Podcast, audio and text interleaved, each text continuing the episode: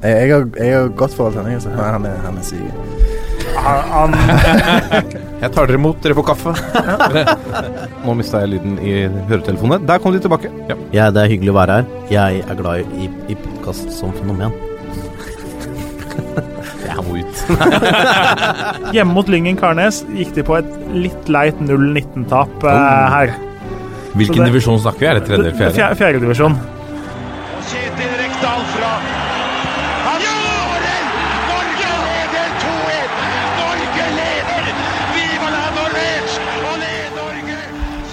Og der er eh, toppfotball tilbake eh, igjen denne uka med et eh, veldig spennende og viktig tema. Og da må vi ha med oss eh, veldig spennende og viktige personer. Eh, og det er jo deg, Ole Martin Nesselquist, først og fremst. Velkommen. Jeg starter med minst viktige først. så Det er jo eh, kanskje riktig, det, da.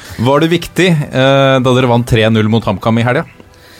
Nei, egentlig ikke. Det syns jeg gutta greide veldig bra sjøl, altså. Så um, det er litt som jeg har snakka om før. eh, Trenerens rolle kan innimellom være litt overvurdert. Det er spillere som spiller kampen, og når de gjør en god prestasjon, så, så fortjener de også æra.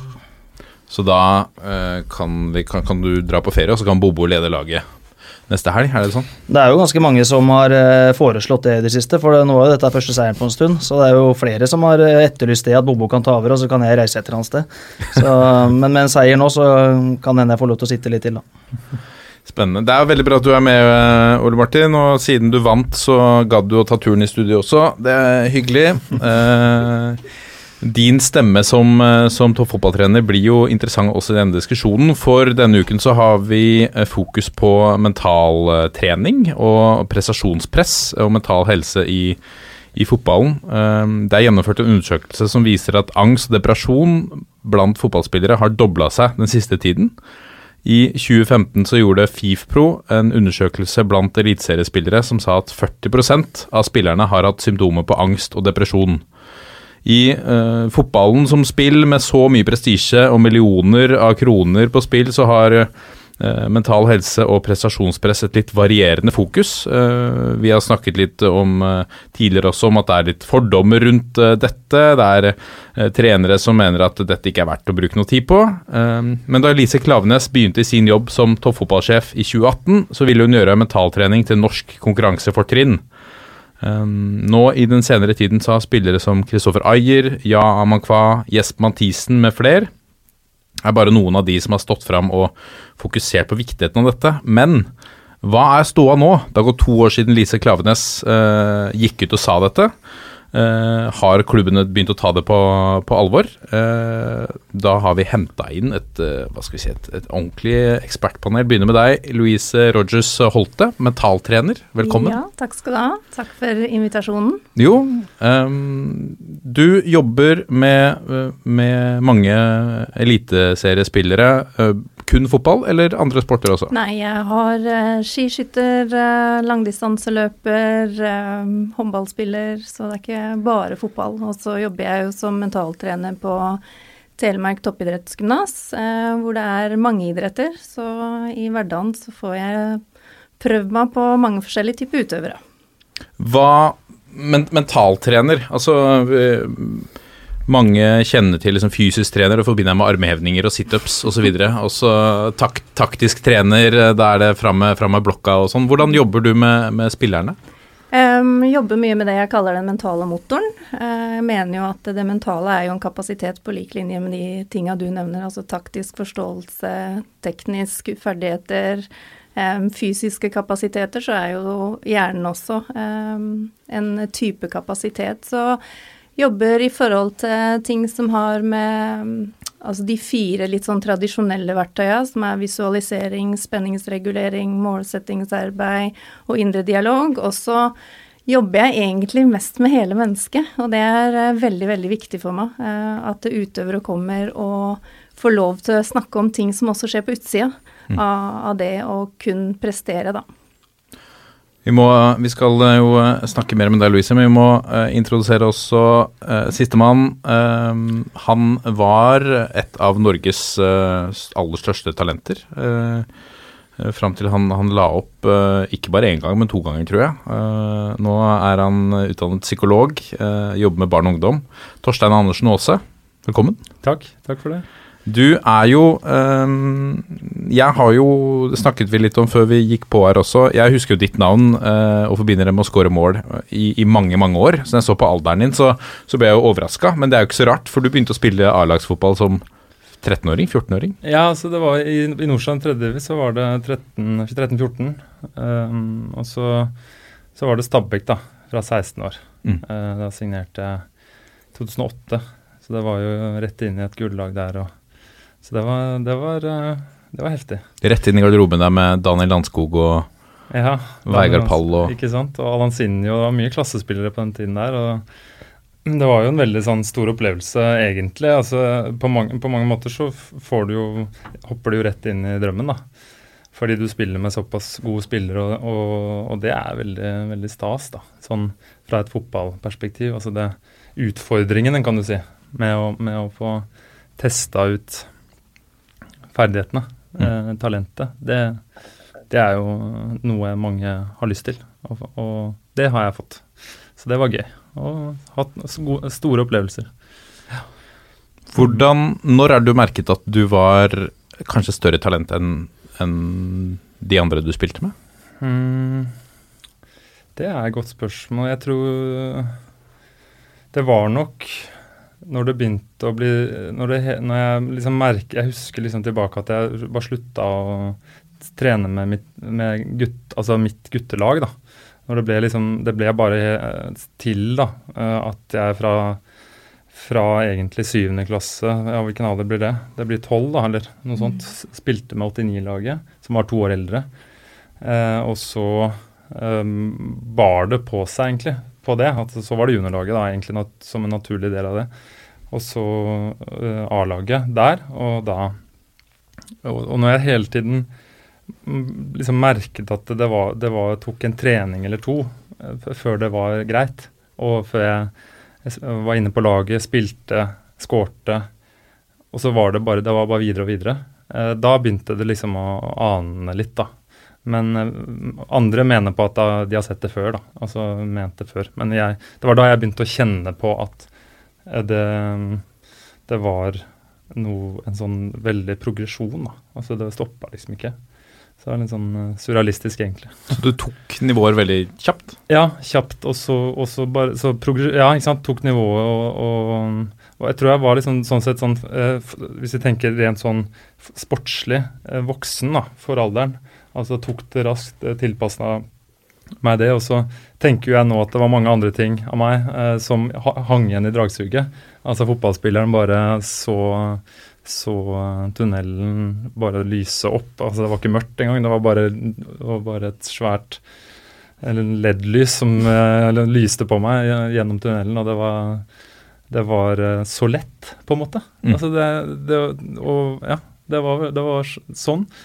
Og så var det da i etterkant, etterpåklokskapen, som jo for så vidt er den eneste vi har, eh, sier meg at det var, det var noe som, som manglet, da, kan du si i den eh, utviklingen av, Mm.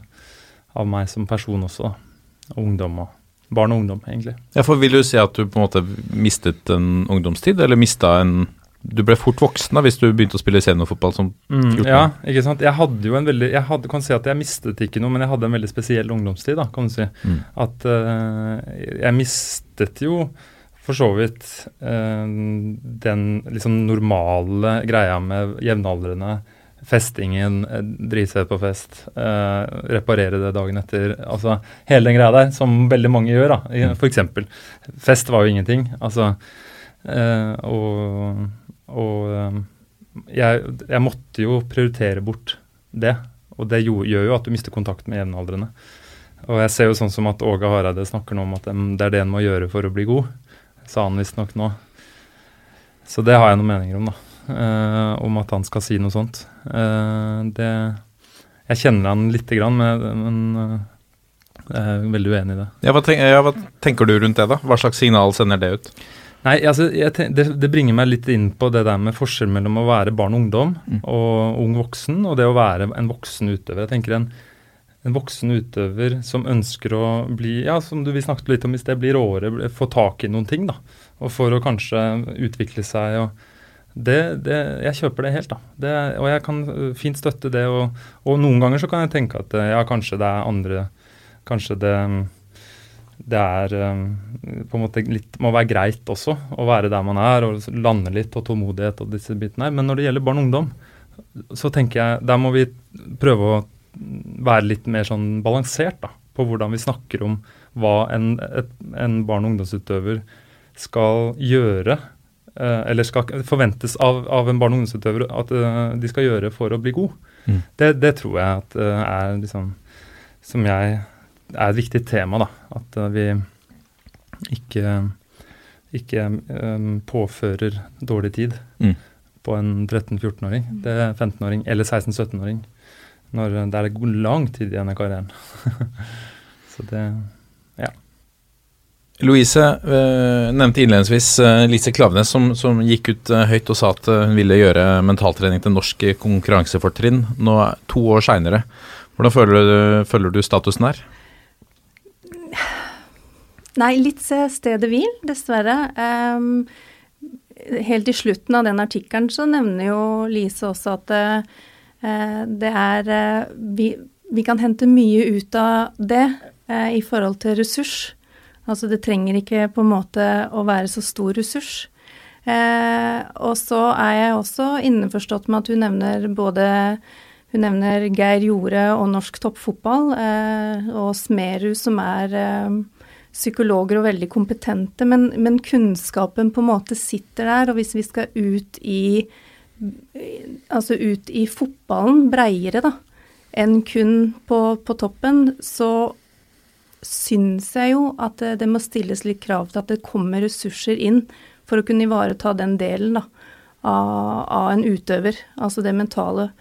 Og så er det jo også en klubbsak da om klubben er interessert i å putte midler for å prioritere det. Altså det har jo Bodø-Glimt gjort fra 2017. Og, og, det er jo han mentaltreneren der får jo veldig mye skryt for den eh, sesongen de har hatt, eller de to siste sesongene. Men det må jo også huske da, ok, han ble ansatt i 2017, og det er virkelig de to siste åra, altså opprykkslag fra, fra Obos, og så nedrykkskandidat i 2018, og så er det nå de på en måte virkelig får ut potensialet, og i fjor, da. Men det, bare det at det tar tid Altså det er mange som henter inn en mentaltrener eller idrettspsykolog når ting ikke går bra. Mm. Og det, det er jo litt Vi må begynne i andre enden. Vi må begynne å tenke at det her tar tid, vi må tørre å være tålmodige. Eh, og så vite at ok, vi må se etter endring eh, hos utøvere som ønsker det. For det, det er litt sånn vesentlig at ø, utøveren selv ønsker å få hjelp til å, å jobbe med det mentale. Mm. Så det handler om mer enn å hente inn eh, Jeg husker jo fra altså Det er jo mange år siden også at Frank Beck typisk mm. ble henta inn for å være med å redde en, en klubb fra nedrykk. Mm og får da like kort tid på seg som, som Tom Nordli ofte fikk for å gjøre det samme mm. jobben. Ja. Men det mener du er Altså, det er Dette er en prosess som tar tid? Ja, men å jobbe med en fysisk kapasitet tar tid. Altså teknisk innlæring tar tid. Mm. Eh, og det er jo litt sånn av og til så må vi gå tilbake og tenke litt som barn og gi oss sjøl nok forsøk fram til det sitter. Eh, så selv om en utøver tar kontakt med meg og får kanskje noe råd over FaceTime, da, eh, så må det jobbes med over tid. Ikke sant? Det er ikke noe quick fix. Alle endringer, endringer tar tid. Så det er derfor jeg mener jo at eh, mentalt synlige, litt mer synlige mentaltrenere, da, i både eliteserieklubber, men jeg tenker også sone og krets bør også begynne å tenke på hvordan kan de implementere det da, tidligere hos ungdommen. For litt sånn som Torstein nevner, da, vi må huske at frontallappen, altså hjernen vår, og hjerneforskning viser jo det, da, at det, i frontallappene våre så ligger jo innsikt, impulskontroll og konsekvenstenking. Og den delen av hjernen, den er jo ikke ferdig utvikla hos ungdom. Det er jo faktisk ikke noe vondt ment, boys, men det er jo litt seinere hos mannfolk. Så da er det rundt sånn 24 til 26, og så er vi damer litt tidligere ute. Jo. Men og, og det er jo nettopp den herre evnen til å se at hva du holder på med nå, det vil gi konsekvenser, og ikke alltid nødvendigvis positive. Altså, og det herre å, la, sånn som du sier, den herre tålmodigheten og den veksten, og være innforstått med at da må du ha riktig folk rundt deg, som ungdom. Hva tenker du da Hva tenker eh, Jeg vet jo litt hva du tenker om det, Torstein, men når du ser spillere som, som drar ut av akademier som, som 12-13-14-åringer, eh, blir satt i en vertsfamilie i Manchester f.eks. Mm. Mm. Ja, nei, det er jo hvis Ja. Det er jo litt sånn kostskole, da. Vi, vi slutta med det litt. Eller i hvert fall noen, de fleste steder så slutta vi med kostskole. Og hva er forskjellen? Lurer jeg på. Altså, det, det, er, det, er, det er nok her jeg blir unyansert da, når det gjelder akkurat det. Når det gjelder eh, ba, altså barn, da, rett og slett, som, som flytter bort fra et miljø. Eh, og ikke, da, nå tenker jeg liksom Fordi det er det som er litt det derre at vi snakker om 12-13-14-åringer nå som toppidrettsutøvere. ikke sant? At de skal være toppidrettsutøvere. Og, og det er mange som snakker om det at for å bli god, så må du være der da. Jeg kunne ikke vært mer uenig, egentlig. Altså, fordi jeg tenker at det, det er vel alt det du opplever av liksom, liksom på alle andre plan også, som gjør om du tåler å stå i det type press som nå idrettsutøvere er utsatt for. da. Eh, og, og det å altså, Jeg tenker jo liksom at mye av det som er så fint med barn og ungdom, er at de, de bare utvikler seg. De. Altså, de bare, bare sånn kan, Uansett om du vil det eller ikke, så, så gjør de det. Så, så da tenker jeg at hvis vi bare lar ungdom være litt ungdom, og barn være barn, og lar de leke, holde på, altså, så, så tror jeg at de, de vil nå et eller annet form for jeg kan kalle det potensial. Det er litt sånn det er jo litt ladet ord, dette med potensial, men de, de når den de De når en eller annen tilstand, da, hvor Mm. de, hvor de um, får utfolde seg, tror jeg. Jeg tror det ligger noe i oss. Det er en litt sånn naturlig av utviklingens gang og, og sånn, og da Vi trenger ikke å liksom pushe den, tenker jeg, da. Men så kan det jo komme et punkt for å nå det siste stykket. Og da tenker jeg at ja, øh, for en da toppidrettsutøver som vil liksom opp i verdenstoppen og ligge der oppe, eller vil eller en ja, Strømmen-spiller da, som liksom vil bli, ikke være tredjespissen, men vil være den første. og Han er 1-2-23, og han, han satser og han jobber hardt.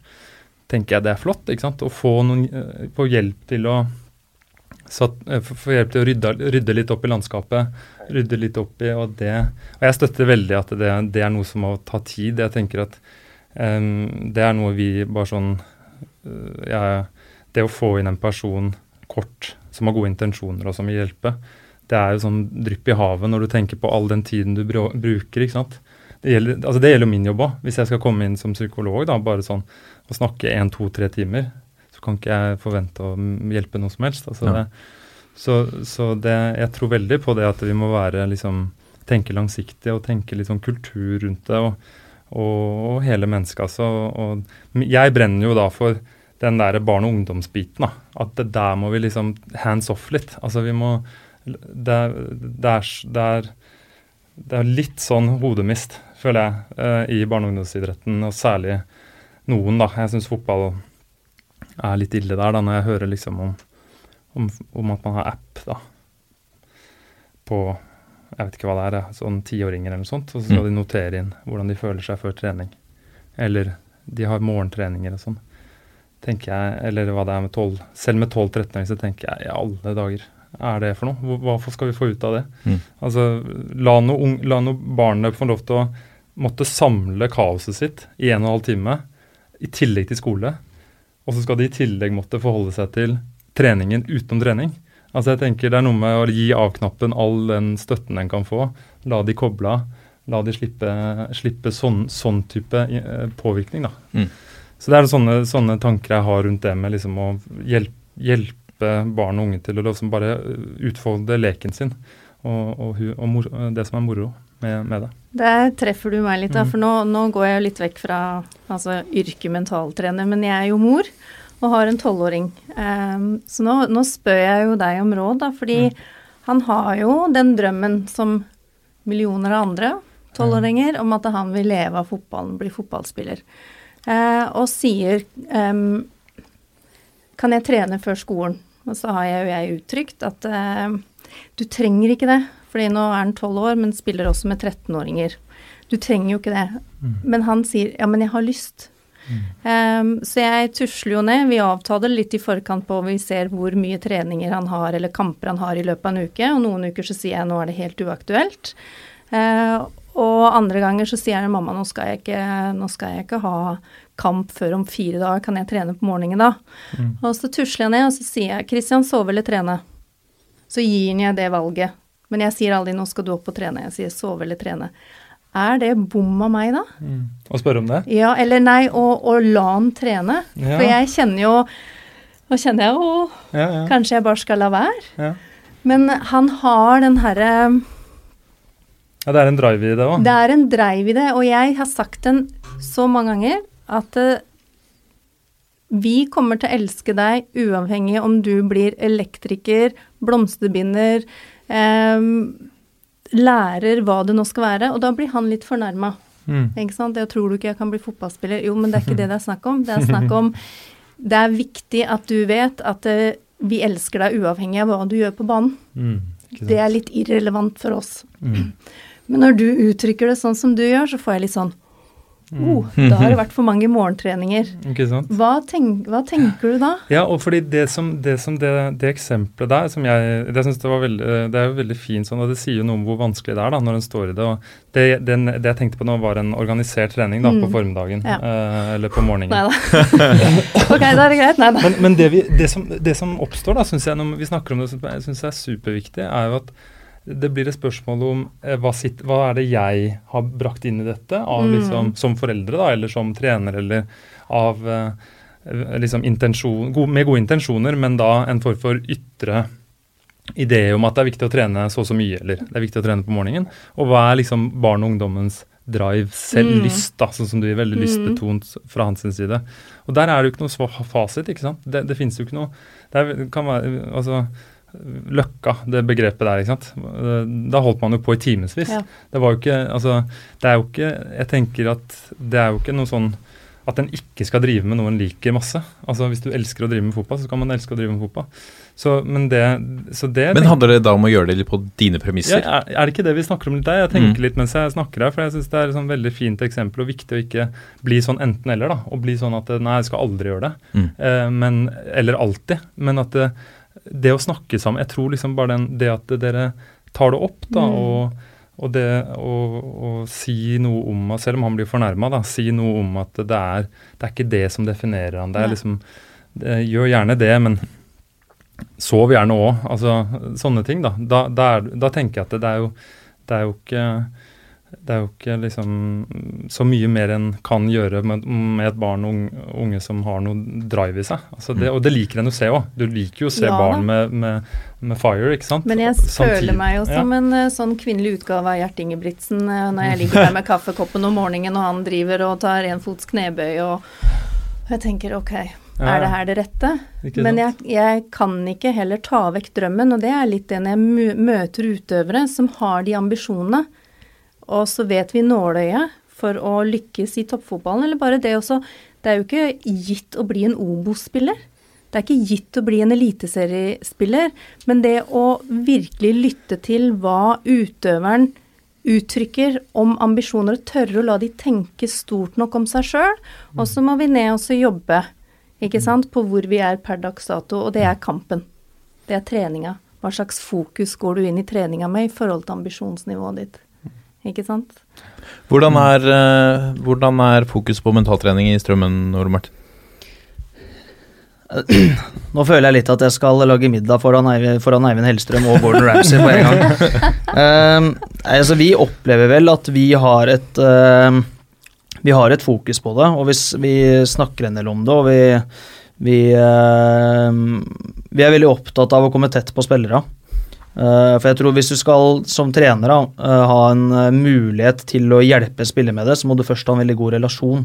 Jeg tror det er vanskelig for en spiller å åpne seg for et menneske du egentlig ikke har en veldig god relasjon til. Så det, det er på en måte starten. Og så er jo, sånn vi opplever det, alt innafor mentaltrening er veldig individuelt. Så bare i løpet av en dag så kan jo jeg eller eh, assistenttreneren min eller keepertreneren, altså hvem det er, ha en dialog med én spiller om kanskje noe som omhandler en slags prestasjonsangst. Vi kan ha en dialog med en spiller om at det er trøbbel med dama, og han veit ikke hvordan han skal håndtere det. Eh, og vi kan ha en eh, samtale med en spiller som går på orientering, og at han føler ikke han får med seg ting mens han spiller. Så dette er så bredt. Um, men vi, vi, snakker mye om det, for vi, er, eh, vi i trenerteamet er veldig enige om at dette her er veldig spennende. Uh, og det er veldig interessant. Og så syns jeg det er veldig morsomt å høre, høre hva de to andre her tenker, da, som er fagfolk på dette her. Og, og vi har jo masse å lære fortsatt på strømmen, så um, jeg gleder meg til å høre mer, jeg. Ja.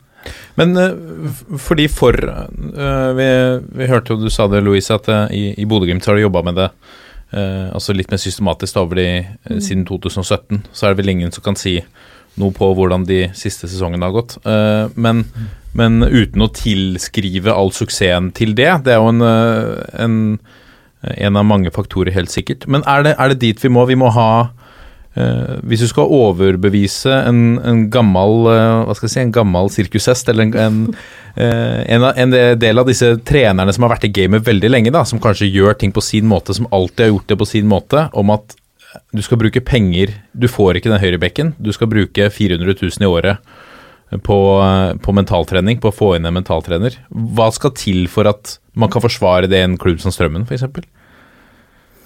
Det er jo det å forsvare å bruke 400 000 kroner på noen ting i strømmen er vanskelig, da. Men, eh, men eh, inntrykket mitt er at alle hos oss er veldig enig i at det hadde vært en fornuftig investering. Eh, og så må vi først bli kvitt de minuspoengene vi får år etter år, sånn at vi kan havne i null i hvert fall. Og så får vi begynne å bruke penger, og da håper jeg å få resten av trenerteamet på litt større stillinger òg. Men, men, uansett så er det jo sånn at jeg har inntrykk av at de aller fleste trenere nå er enig i at dette her er, er viktig. Um, og Jeg nevnte det før vi begynte å ta opp her òg, at det er jo for 10-12 år siden så reiste jeg veldig mye rundt til eliteserieklubber og så på treninger og snakka med folk og, og, prøvde å hente referanser. Og hvis jeg da spurte om mentaltrening, så var det veldig mange som svarte at nei, det har jeg ikke noe tro på. Uh, mens nå så er jo de aller fleste helt enig i at dette her er veldig viktig. Um, og så er det nok uh, fortsatt men, sånn Men er det viktig fordi at det er politisk korrekt å si at det er viktig, eller er det, er det viktig fordi at de, de, ser selv at dette har effekt? Det er et godt spørsmål, og det tipper jeg er blanda. Ja. Eh, det, det, vil jeg tro. Og så tror jeg Det ble referert til Åge Hareide her i stad. Jeg um, har jo snakka litt med han siste, siste halvåret, og jeg har inntrykk av at han er opptatt av å ha mentale trenere i teamet sitt. Jeg opplever at han er genuint interessert i det og syns det er viktig. Men jeg tror uh, det han prøver å formidle, uh, som jeg er helt enig i det kommer litt feil ut, er jo at uh, han vil fortelle unge spillere hva som kreves hvis du skal bli en verdensstjerne. Men du må, jeg mener at du må greie å gjøre det, men samtidig forstå at dette her kanskje er en 18-åring som må få lov til å feile òg. Det kan ikke være sånn at hvis han da feiler, så konkluderer de med at han er ferdig. Du, og, og, jo eldre du blir som fotballspiller, jo, jo, mindre rom er det for å feile på den type ting. Det er mye hardere altså Jeg som trener ville vært mye hardere mot en 29-åring som går på fylla før kamp, enn hvis en 17-åring gjør det. For at det, det, skjer, han er 17 år. Mm. Mens 29-åringen bør på en måte ha lært seg at dette her skal jeg ikke gjøre. Men kanskje han ikke har lært seg det, da, for at ikke han gjorde det da han var 17. Det kan ja, ikke sant. Jeg, jeg, tenkte på, det er, det er, veldig fint å høre det også fra det perspektivet der. Jeg på en måte følger deg i det du sier, og det synes det du sier med relasjon, da, det er jo det som, det er det som viser seg Hvis man skal trekke inn liksom eh, psykoterapiforskning, da, som er et sånt svært ord, så er det bare ett ord som gjelder, og det er relasjon. Altså Det er liksom, det er det vi vet. altså Det at du har en kontakt med noen, det, og jeg liksom har gått mange år på studiet, men det er en relasjon, da. Så når, så når, du sier det, så tenker jeg der er vi, bare der er vi liksom oppe på et ordentlig sånn viktig plan. At det å bry seg om de andre sidene, da tror jeg man driver ja, Man kan kalle det mental trening, man kan kalle det hva som helst. Altså Du kan kalle det miljø, altså kulturbygging, da. Um, eller bare medmenneskelighet. altså det er liksom Jeg tror det er voldsomt hjelpsomt. Og så tenker jo jeg at vi som står som ulike eh, perspektiver på faget, ikke sant. For oss da, Louise, jeg tenker mm. det er også viktig å tenke på det med å, som du også sa litt, det med å formidle. ikke sant? Fordi uansett hvor mye vi jobber, så kommer ikke vi til å kunne treffe alle spillerne, ikke sant? Uansett. Og det er ikke sikkert det er sånn at vi skal ha, alle spillerne skal ha én mental trener. Men at det er, for, det er, jo et form for tankegods som jeg tenker at veldig mange i ulike roller kan ha godt av.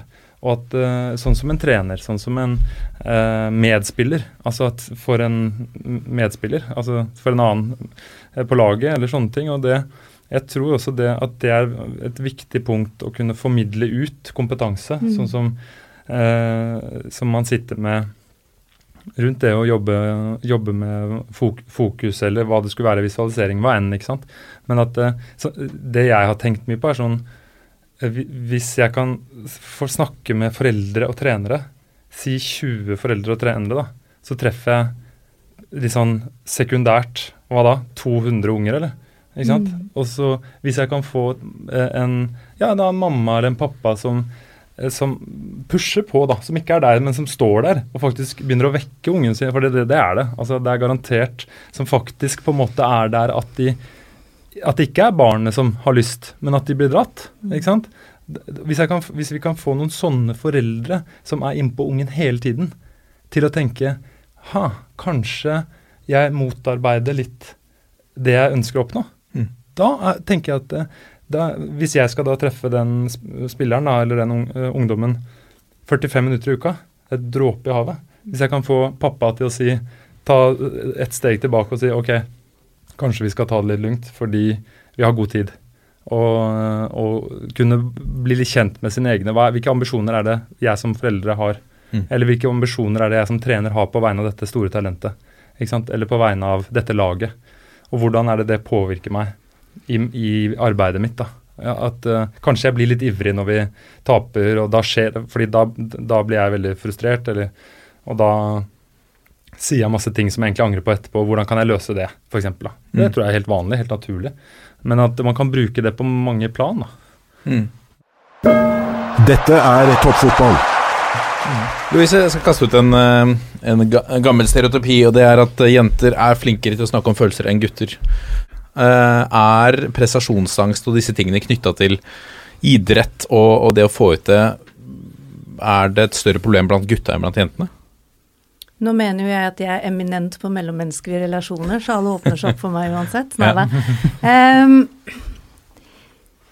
jeg syns det er en endring. Um, når, eh, når jeg snakker med mannlige utøvere, da, eh, og jeg opplever at kjemien og relasjonen er der, så syns ikke jeg at det, det virker som de holder igjen. Jeg syns de er gode til å uttrykke og sette Gjerne bruker mye metaforer, ofte bedre enn det enn jentene på det. Um, jeg tror nok forskjellen er når vi mentalt rydder.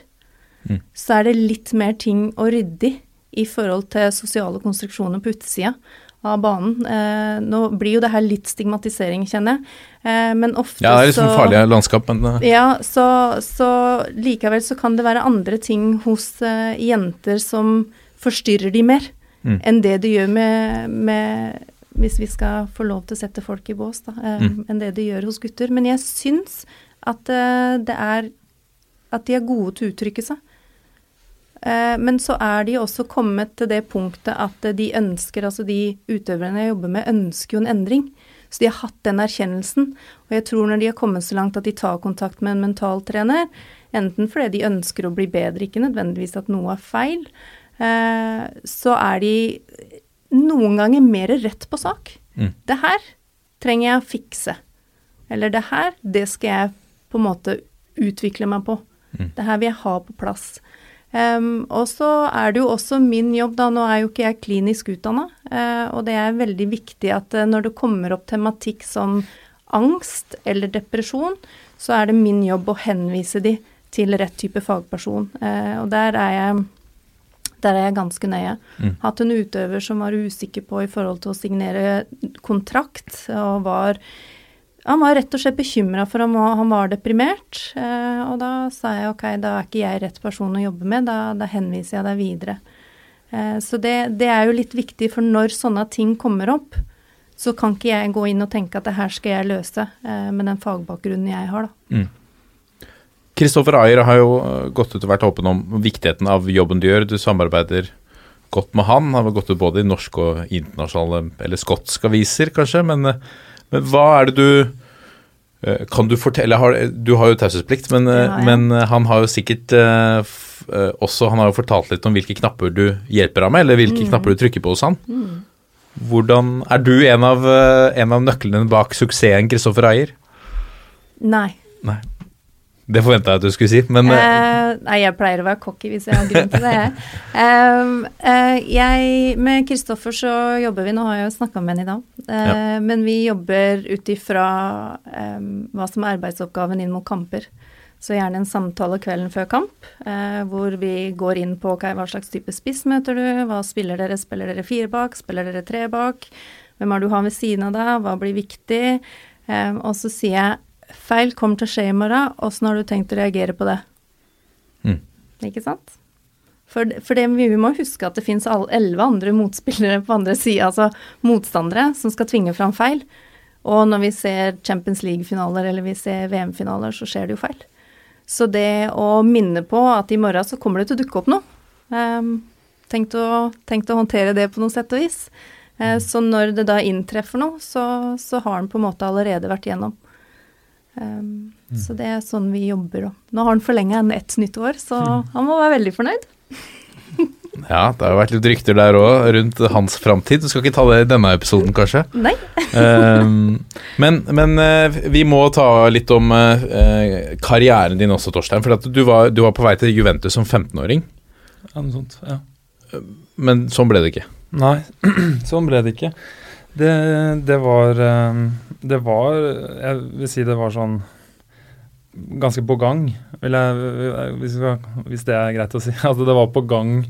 Vi var i, i samtaler. Det var snakk om en sånn besøk, altså en sånn spillebesøk hvor vi, på en ukes tid hvor jeg skulle um, Det var sommeren Ja, jeg er 15. Det var sommeren der. Uh, Idet jeg skulle til å fylle 16. Og skulle over der til eh, Torino da, og hilse på da, trenere og lag og se litt i forhold til bosituasjonen og, og eh, ja, sikkert noe med sånn skole eller hva det er for noe de, de gjør, da. Men, eh, ja, så, men kvelden før så var det, var det helt tydelig for meg at det skjer ikke. Da lå jeg i senga og skulle til å sove og skulle reise dagen etter, og da var jeg helt ja, Apropos angst, altså var, da var jeg veldig redd. Redd for at alt skulle gå galt. Og da sa jeg fra da, om at det, det kan ikke, jeg kan ikke gjøre det. Hva var, du, hva var du redd for? Var det noe konkret liksom, du var redd for? Jeg var Nei, altså, jeg kan ikke huske at Jeg var liksom ikke Det er et godt spørsmål, for det var ikke sånn at jeg var redd for uh, det å skulle begynne å spille eh, Ta tak i ballen på trening eller skulle Det var ikke noe sånn, eller språk eller det var, det var faktisk ikke det. Det var mer en sånn generell opplevelse av at uh, dette er utrygt for meg. Altså, dette er ikke, dette er ikke riktig. Uh, uten at den, er, den var noe mer utdyp, uh, altså noe mer uh, konkret enn det. Det var liksom en sånn sterk følelse av at dette her, dette bør jeg ikke gjøre. Um, og det var jo, det var jo en, en motsvar mot en veldig stor del av meg som så dette som bare det, det store. Altså, for det var det jo også. Uh, Det var jo en enorm anerkjennelse på et vis. Og når det sto, ja, det sto italienere, to italienere på, på Niffen, eh, på kunstgressbanen på Niffen, og skulle se på tredjediv-fotball. Det er ikke ofte, altså. Eh, tror jeg. og da, da Og eh, Nei, så Og de fulgte deg veldig tett? De fulgte meg veldig tett i en periode. De var her i, noen, i en par uker. Så bodde de i Oslo og, så på. Eh, jeg tror det var to matcher eller noe sånt. Lurer på det. Eh, I hvert fall én hjemmekamp og så litt sånn.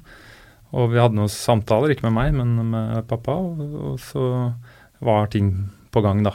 Eh, det, det var, men det var andre klubber òg, så det var mye interesse. Det, det, var det. Og det var, var jo stas på et vis da, for en, for en gutt som ville bli best. Det For det ville jeg, helt klart. Og hadde, jeg hadde mye gøy med å være god. Eh, men eh, det var også en side av meg som eh, ikke, ikke ville Nei, jeg skal, jeg skal ikke si at det var ikke ville Jeg skal ikke ilegge den siden for mye plass, fordi den lå der bare bak. I skyggene og skjulte seg, og hadde ingenting å stille opp med. Mot all fokusen, all, all, alt lyset, all oppmerksomheten. Jeg var sjanseløs. Altså, det var ikke mulig. Det var kun når frykten ble så stor at jeg klarte å si imot.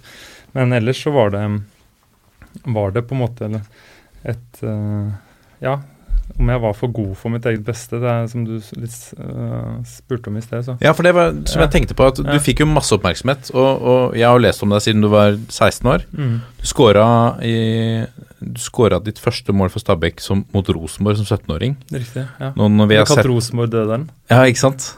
Allerede merkelapp etter én match. Jeg hadde flere. Det var på et års tid så hadde jeg to, eh, to poengavgjørende. De tok tre poeng. Nei, fire poeng, en uavgjort og en, eh, seier på det.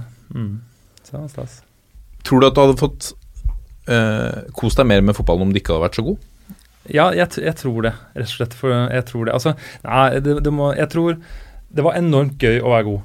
Altså, jeg skal ikke legge skjul på det. Det var fantastisk gøy å være på en måte mye bedre enn de andre på min alder. Spille landslag, kaptein på landslaget, ha øh, mm, Ja. He, hele den biten der, det var gøy. Uh, og, men det var også Leken ble borte, da.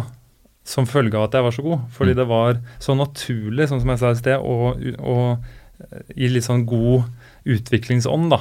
Å ta stegene, ikke sant.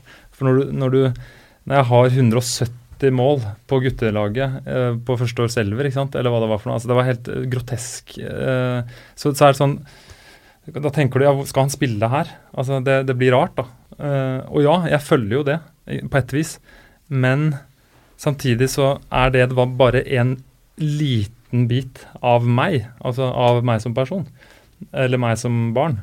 Eh, og det var masse andre ting som var, var eh, på en måte på en, et helt annet nivå. ikke sant? Sosialt på skolen så var jeg egentlig ganske Jeg var himla awkward, jeg. Altså, jeg var sånn eh, det, Jeg var på en måte Jeg var enormt Jeg hadde bare en helt sånn atskilt posisjon sosialt. Fordi jeg var bare sånn Fotball, det var kult, men ja Utenom det altså Hadde jeg ikke hatt fotballen, så hadde jeg vært på siden, da, for å si det sånn. Mm. Og jeg ble jo på en måte egentlig mobbet på barneskolen før fotball ble kult. Altså, Jeg var sånn forvokst, eh, jeg var så svær, ikke sant. Så jeg fikk jo merkelapper på det. Så, så, så det var mange andre ting da, som du ikke ser når du ser en spiller være dritgod på banen. Eller et barn være, det dominere på banen, eller så, så kan en fort tenke at eh, nei, men da, det er ting på stell for dette barnet og ungdommen. Det, den, det har jeg lært personlig og gjennom å snakke med andre uh, utøvere. At det, det stemmer ikke. Altså, selv om det går bra, altså, selv om det ikke er farlig, som, altså, så, er, så stemmer det ikke at det bare er sånn tipp topp tommel opp eh, fordi du er god på banen. Da. Og det tror jeg alle som jobber med utøvere vet. At det, sånn er det litt, da. Men for meg så var det ekstremt, tror jeg. fordi det, kontrasten ble så stor mellom de 90 minuttene hvor det var herjing, liksom, og mye av det andre som var mer sånn ja, lukka, da. Men uh, for du fortalte at du hadde en sånn uh, veldig sterk tilpasningsevne. Du tok hvert nivå veldig kjapt. Mm. Vil det da si også at i den perioden så hadde du ikke så mye motgang da på, på, på fotballsiden, så du opplevde det sjelden? Har du liksom Har du tenkt på det at liksom Er det du, du kom jo med et eksempel at du, du ikke ville spille PlayStation og Fifa med gutta fordi at du var, var redd du skulle tape. Ja, eller ikke klare det. Så jeg, Ja. jeg satt og titta på bestekompisen min i et halvt år eh, mens han spilte. Eh, så jeg satt bak ryggen hans. Eh, det var, han var liksom den feteste gutten. ikke? Han hadde Quicksilver-bukse og billabong, og han var helt der. Han var rå, han var, han var rå altså. Og hadde sånne blonde krøller, og, og han var liksom helt sjef. Eh, og så, men så, så var jeg liksom Vi var også eh, liksom eh, sentrale på laget, da. Så derfor så var vi gode kompiser. Så han, jeg fikk jo bare så mye gratis gjennom han. Eh, men da, satt, så hadde han på, folk på besøk, og da satt og spilte alt fra Fifa til sånn det der olympiske spillet på Nintendo. Da, sånn at du skulle løpe 100 meter, og så skulle du bare trykke sånn. Eh, men det var masse forskjellige sånne ting. da Og da satt jeg bare rett over skulderen hans og stirra på hånda hans i et halvt år, kanskje. Og så han spilte. Og så tok jeg det. Og så han, han forteller det som at jeg plutselig en dag så skulle jeg spille. Og da klarte jeg det med en gang. Ja. Uh, og det er litt den der greia som, som jeg har hatt veldig mye glede av å gi fingeren til senere. Og si at nå skal jeg bare prøve, bare prøve ting som jeg ikke kan. Mm. Og være ræva i ting. Og det, og det Jeg tror det er veldig sunt. Eh, og drive, altså, sånn, drive litt sånn allidrett, da. Altså, sånn, det Hva er et eksempel på en uh, ting du er helt ræva i? Uh, nei, jeg begynte å spille golf, f.eks. Altså, jeg begynte å klatre. jeg har ikke forstått så mye mer med det. Strikking. Jeg strikker. Så ja. Så det er bare Det er morsomt, da. Og det er fint for en, jeg tror det er fint for barn å bare prøve ting og, og være god i noe. For all del, mestring er viktig, men også oppleve den andre biten, da. Så jeg, det tror jeg nok det, var, det var litt sånn det var. Det satte seg på mange plan, da. Mm. Ole Martin, eh, i, i toppfotballen og fra, fra din tid i Moss og, og som trener generelt, så er det jo eh, ofte en naturlig del av en, en bredde og en, en, en bedre breddeklubb, da, eh, om vi kan si det. At når man finner et talent, så gir man det større matching eller bedre matching, hospitering på høyere nivå og sånn. For kanskje nettopp det å gi litt mot... Eller liksom å oppleve at man må jobbe litt for å bli bedre. Hva tenker du når du hører det Torstein sier om at liksom er, er modellen vår feil? Jeg tror det er eh, For det første er nok det forskjell fra klubb til klubb. Eh, men så er det jo sånn at altså, norsk eh, barneidrett er jo fortsatt veldig foreldredrevet. Eh, Så det blir en del tilfeldigheter. Du kan være heldig og bli trent av en far som er eh, lærer og som har drevet med idretten før, som da er pedagog og som kan faget i tillegg, og som sørger for at det er verdens morsomste ting er å drive med dette her. Og så kan du være uheldig å få en, en, en far eller mor hvor alt handler om å vinne fra du er sju år. Og det var jo Jeg har jo gått eh, trenerstegen sjøl, og det var egentlig først eh, Det var 2015, tror jeg, når jeg selv begynte å jobbe med en, eh, en som var en slags mental trener for meg, da. Som bevisstgjorde meg på, på en, en eh, Altså to måter å tenke på. Du har fixed og growth uh, mindset. Som jeg liksom Det gikk opp for meg at uh, jeg har jo driti meg ut i mange år som trener.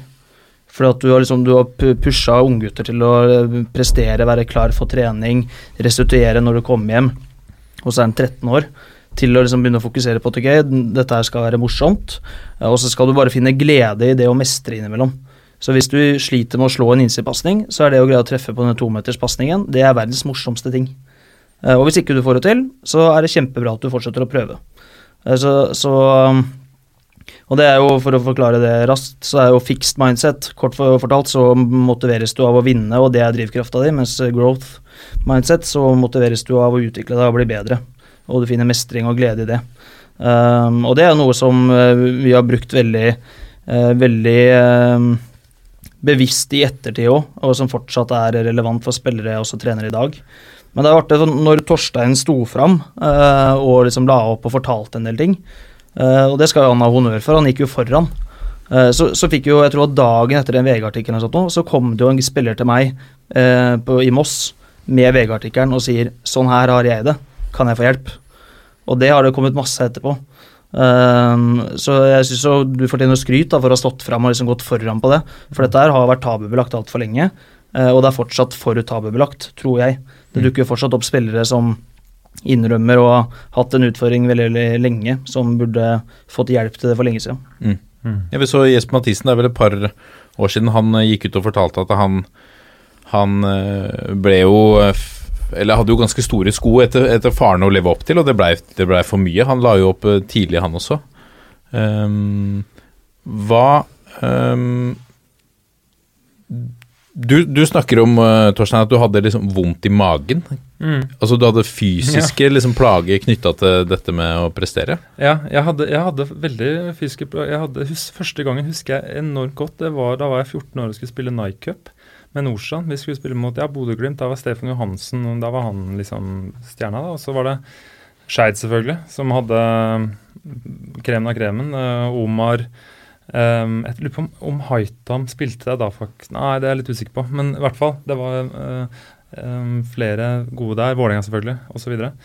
Og da, da stilte vi med Norsan, da, altså, og da liksom, skulle vi spille første kamp tror jeg fredag ettermiddag eller lørdag morgen. Men uansett, fredag så satt det mageknip i meg. Jeg spilte 60 minutter på det, i den første kampen av fem kamper eller noe sånt, og spilte ikke noe mer. Mandag morgen så var jeg fin i magen. Eh, og og jeg hadde liksom spist Vi var nøye på Det var, det var kylling og ris og sopp, eh, soppsaus. Det var liksom det vi spiste. Uh, og, så det var ikke noe sånn Det var helt klart knytta til uh, frykt for å ikke leve opp til noe, da, tror jeg. Eller det er, det er, sånn jeg forteller det i meg selv. Det er sånn historien er blitt rundt det. Og jeg, det gir mening også, syns jeg, at det, det, var det. Og, og, siden så har egentlig Det som var mitt problem, da, var, var kamp. Altså trening. Jeg har alltid elska det som uansett um, liksom Helt motsatt fra mange andre, da. Ja, ja, ikke sant. Jeg var liksom best på trening, ja. Altså sånn jeg kunne uh, jeg, jeg, debuterte jo det første året, 2008, som 16-åring i, i Tippeligaen, som jeg har tidenes yngste den gang. og Apropos motstand, altså på banen så møtte jeg jo ikke motstand jeg har på å si nesten inn der heller. Eh, det var, så jeg spilte da og, sånn, og så eh, Så det, det, var Det var liksom Nivået var greit, men det med, å, det med magen og etter hvert Hele karrieren til jeg slutta, så var det et problem. At jeg hadde mye magesmerter, spesielt i etterkant av kamp, og, og etter hvert mer alvorlige vansker. da, Så jeg hadde søvnmangel og og eh, ja, måtte ha hjelp til slutt. da. Mm. Eh, og så, og så kom, slutta i 32 minutter ut i en fotballkamp på, på Føyka stadion i 2012. Så det, det, var, men det var seks år, altså det var åtte år etter Cup. Eh, så det var på et vis Det var ikke åtte år med, med helvete, det var det ikke. Men det var eh, Kamp var vanskelig i åtte år. Det mm. vil jeg, det vil jeg absolutt påstå. Det, og det var Ja. Det, jo, det, blir jo utfordrende for idrettens natur, da, og det å være en idrettsutøver dreier seg om å kunne stå i det og bli målt, evaluert og vurdert. Mm. Eh, og jeg tror at vi må jobbe med å bygge selvbilde og ikke selvtillit. For det selvtillit og motivasjon, det er jo ofte resultatorientert. Altså, altså når, vi, når, vi, har gode prestasjoner og leverer, så ligger vi på toppen på motivasjon og selvtillit, og så får vi den herre duppen. Eh, og så kjenner vi det på nesten selvfølelse og selvbilde i stedet. Og det å lære utøvere tidlig å skille at ja, men du har en verdi uavhengig av prestasjon. Ikke sant? At du er verdt din vekt i gull uavhengig av hva du presterer. Og det å For jeg sånn jeg tenker hvordan Altså, kunne du, når du ser tilbake, tenkt at eh, jeg kunne hatt en annen reise om jeg hadde det her, det, det her må komme ut riktig. Um, for satt på spissen, da, så har det vært utfordrende for deg å bli målt, evaluert og vurdert. Det har vært ubehagelig. Hva kunne ha hjulpet, da? Uh, ja, det er jo det, da. Uh, jeg jeg tror det er flere ting. Altså Det ene er at jeg tror det er et iboende problem i fotballen at vi gjør det. At vi måler, vurderer. Altså, Én ting er jo det at man står og ser på at, og, og, kan legge, ilegge folk en vurdering. Altså ilegge at pappa eller at mamma eller at uh, treneren vurderer en. Det er jo én ting. Det tenker jeg det skjer uansett om det er på skolen eller hvor, hva enn. Mm. Uh, men så er det jo den biten hvor, hvor idretten fører nedover seg mye vurderinger. ikke sant? At du, det, så det tror jeg Jeg tror nok at det var en dårlig, veldig dårlig match eh, for meg å bli, bli, vurdert på det. Fordi jeg tror idretten for min del altså Jeg snakker jo ikke som om, tenker ikke at dette er noe sånn generelt, noe allment, det som skjedde med meg, men at det er, det er kanskje en historie om hva som kan skje, da. ikke sant? Ja. Og, og, for meg, hvis, liksom, uten å gå generelt, men mer sånn konkret, så for meg så var, er erfaringen der at det det kan være en veldig dårlig match å ha en sånn, sånn, dragsug inn i eh, et sånt ensretta fokus, med fokus på ja, fikst, egentlig, da, kan du kalle det. Eh, på prestasjon og vinne, skåre mål, sånne ting. Eh, som, som eh, legger igjen mye i eh, dragsuget, da. Og, og det Så, så det jeg, jeg tror jeg, jeg har hatt kontakt med både mange psykologer og, og mentale trenere og, og, sånne ting, og det, det, har ikke, det, har ikke, bitt helt, da, for å si det sånn. Altså Det, det var nok mer, mer iboende um, mismatch mellom, for min del, mellom det, det jeg satt med, og det jeg fikk i, i, fot, i fotballen. da. Mm. Som jeg tror eh, Altså, jeg, jeg skulle, skulle liksom Jeg hadde ikke misunt den som skulle jobba med det, på en måte, og prøvd å få, få skilt det, sånn som du sier, da. For jeg følger deg veldig i tanken, da. Eh, I det, at det er viktig. Og så tror jeg det En kjemper som, som en hjelper, så kjemper en en ganske hard kamp mot den derre kraften, den derre uh, i Både i kulturen, i uh, fotball, i media osv. Mot det å være en vinner, da. Skille seg ut. For, Og- mange, for mange av de jeg har jobba med, har jo gått akkurat Nå har jo jeg stalka alle som sitter her i dag på nett for å finne ut mer om dere.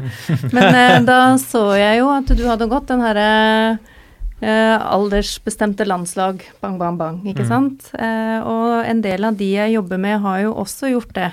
Som blir sett for det talentet de er. Mm. Eh, og i arbeidet jeg har med de, så går jeg vekk fra det. Og så bygger vi mennesket. Nettopp for at de skal bli mer robuste for å tåle motgang og det å skulle prestere, men også å være godt forankra når ting går bra. Ikke sant? Så ikke ta av, men, men det å bygge selvbilde, det er jo en dialog de må ha med seg selv. At det, hva kommer jeg med?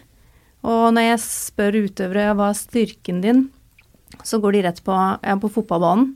Mm -mm. Som menneske. Og da, det er utfordrende for de å komme fram til hva er verdiene mine som menneske. De har, de har veldig lyst til å forholde seg til det som skjer på banen, for det er en stor del av identiteten, men det er jo ikke hele identiteten. Mm. Så den robustheten og det å la de vokse som menneske Og jeg har jo hele spekteret fra 16-åringer opp til ja, Nå har jeg vel en utøver på 29, eh, så det er jo Og selv da jobber vi med det. Mm. Er det her i tråd med hva som er en verdi for deg? Absolutt. Er, eh, opplever du at uh, Som du sa, Ole Martin, da, da, vi snakker om Torstein som da han sto fram. Altså det, det virker jo som han uh, Da var det en del skam, skam og fordommer knytta opp til dette. Hvordan opplever du at det er nå, Louise? Nei, litt som Ole Martin sier, at jeg, jeg opplever at det er på vei vekk. Mm. Jeg syns jo det som skjer bort på øya Storbritannia er jo veldig interessant, hvor eh, eh, kongehuset der da har gått i et samarbeid sammen med The FA om å synliggjøre med Heads Up-kampanjen, da, og snakke om mental helse. Eh, hvor de får både landslagstreneren til å komme inn, Peter Crouch til å komme inn, Rose var der for å prate, Terry Henry, altså stjerner som sitter og forteller om at jeg har opplevd mobbing, eller jeg har opplevd eh, å bli sett på som, som mentalt syk. Eh, så jeg, jeg opplever at det stigmaet er i ferd med å gå vekk. Um, men jeg opplever også når utøvere tar kontakt, så sier de 'jeg har tenkt på det her lenge'. Mm. Uh, men jeg, jeg er jo interessert i å jobbe enda mer i forhold til det mentale. Men om, ikke at det er skam rundt det lenger. Nei, det jeg tror det er nok fortsatt noen det er skam for, men det, men det er nok færre og færre, ja. Men jeg tror nok eh, Vi har jo gitt en del, det opplever at vi har gitt en del titler som skal ufarliggjøre det litt. Så nå heter det litt coach, og det heter litt sånn mentaltrener. eh, Fordi at det fortsatt er stigma knyttet til å liksom, gå til psykolog, da, eller få hjelp til liksom, mentale ting. Er det liksom en del av Er det en del av den biten for å ufarliggjøre det litt? Det kan, eh, det kan nok godt uh, hende, ja. Men jeg, jeg opplever at det handler veldig mye om hva du har i bagasjen nå. Da. Altså hva slags opplevelser du har fra tidligere. Vi har, Senest nå forrige uke så har vi starta en, en ny prosess i, eh, rundt A-laget på Strømmen som omhandler arbeidsoppgaver, og hvordan du skal forberede arbeids, arbeidsoppgaver inn mot kamp og trening. Og den er sånn eh, Ganske mange av unggutta, når jeg prater med de individuelt om det, de uh, syns det er kjempespennende. Syns det er veldig bra. Og så har du en del i sånn alderssegment 24 til eh, par og 30 kanskje, som eh, noen tenker at dette er interessant, noen tenker at eh, dette er bare tull. Og så er det de eldste som flirer litt av det. Mm. Hvorfor skal vi dette, liksom? Og, og jeg tenker det er ikke bare tilfeldig heller at det er litt sånn generasjonsbasert, uten at jeg greier å sette fingeren på hvorfor, men jeg har inntrykk av at det er nok ikke helt tilfeldig heller. Eh, Hva du har i bagasjen har nok sikkert en del å si, da. Mm. Ja, det er jo en enorm kulturforskjell. Altså, nå, nå er jo ikke jeg i det miljøet nå, men jeg kan jo bare huske tilbake da, fra da, da jeg var i det miljøet, at det, det var jo utenkelig altså, å skulle si noe som helst om det. Det var eh, Det var ikke Ja, det var helt uh, sjanseløst, på en måte. Uh, med, um, og jeg tror, det var ikke, jeg tror ikke det var fordi uh, det var, ikke var folk som følte på det. Altså, men, men det var eh, noe i, i det mer sånn kulturen, da. I garderobekulturen, som er et, et sånt begrep da, som man bruker. Men, men eh, jeg tror jeg, Vi har gjort en del Min avsluttende oppgave på studiet da, det var eh, un, altså intervjuer med ungdommer på toppidrettsgymnas. Og de sier, snakker veldig mye om det, men kanskje på en litt annen måte. At de, det er en opplevd åpenhet i kulturen. ikke sant? At vi, snakker, vi bruker mer ord som angst og depresjon, og vi bruker disse ordene. Og så er det, eh, og så er det litt sånn Det er der oppe, men så mellom folk så tror jeg det er veldig vari variert hvordan det oppleves som åpent å snakke om. Det de forteller bl.a., er en enorm eh, norm, normsterk eh, relasjon mellom andre, hvor det er sånn Å, jeg, jeg så på Snapchat at du var på fest i helgen. Så sitter ikke vi sammen med deg i lunsjen. Ikke sant? Eller ehm, Å ja, du sitter med en godteripose, liksom. Det er, sånn, det er, det er verdig en snap til en gruppe, ikke sant. Uh, um, ja, hva spiser du i lunsjen på Ja, jeg gikk på Vang, da, hvis jeg skulle ta Vang som et eksempel. Hva, hva spiser du i lunsjen på Vang? Spiser du den lyse loffen der, eller Altså, alt legger du merke til. Mm. Uh, og litt i det med, med Du sa ikke sant, det med Ja, hva hvis noe skjer feil, da? Ikke sant? Det var, jeg synes det var veldig sånn Hva, hva da? Hva, hva skjer da? For det kommer jo til å skje, åpenbart. Altså, uh, for noen av disse så var det sånn Nei, men det kan ikke skje. Nei. Det kan ikke skje. Fordi hvis jeg gjør en feil, så er kampen ødelagt. Det er sånn det er. Altså, vi- han, det er sånn første Han ene eh, det, det, det sa liksom hvis jeg, første, Det var flere idretter, da, men første liksom involvering i konkurranse avgjorde om konkurransen ble bra eller ikke. Det var, sånn, det var helt sånn kategorisk, på en måte. Um, litt satt på spissen, men likevel eh, helt klart da, at det, det var sånn. Og, og det, det var Og det som liksom det som, eh, Når dominobrikken falt, så var det Jeg, jeg gjorde en feil. Jeg, det, denne kampen er ferdig. Jeg er ferdig som utøver. Jeg kommer aldri til å bli god utøver. Altså, vi er der. Og vi er, jeg er en dårlig person. Altså, det går bare vom! Hmm. Rett ned i kjelleren, ikke sant. Mm. Uh, så så jeg, tror, jeg tror det er en åpenhet. Jeg tror det er jeg tror, Og jeg tror også det er noe som har tighta seg voldsomt til innad i mil, ulike miljøer. Og der tror jeg variasjonen er veldig stor. Men jeg tror at det finnes miljøer, det, eh, kanskje spesielt når det gjelder den ytterste toppen, hvor det er voldsomt tøft. Uh, ja. uh, hvor det, man måler hverandre veldig, man følger ikke Det er ikke treneren, det er ikke om å gjøre. For det husker jeg sånn hos oss, så var det mye sånn Pass på ikke treneren ser det. Hvis du skulle hvis du, Ja, hvis du skulle Så lenge du tok deg noen pils dagen før, da, ikke sant, og så er det greit, så lenge ikke treneren sa det. Nå er det ikke sånn. Nå, er det, nå kan ikke medspillerne se det. Nei. Fordi du, du stilles til ansvar da, innad i miljøet. ikke sant? Toppidrettsmiljø snakker man om. Prestasjonskultur. altså Det er noen sånne begreper, og det, det, er, sånn, det er disse begrepene som man betyr. altså 24-timersutøveren. Mm. Så kan vi snakke om det, liksom. Hva er det for et begrep? Det, det skal vi til, det kommer vi til. Okay, ok, Eh, eh, Louise, jeg har lagt merke til et par ting med, med eh, Dag Eilef Fagermo startet eh, som, som trener i Vålerenga. Eh, eh, og for mange så er man kjent Eller man, han er kjent som en av disse gamle travhestene, eller det i hvert fall var inntrykket mitt litt. Eh, men så hører jeg en spiller som, som Jonathan Tollås Nation sier i, i podkasten Spillerådet at at eh, han, han var et helvete å diskutere med under eh, korona.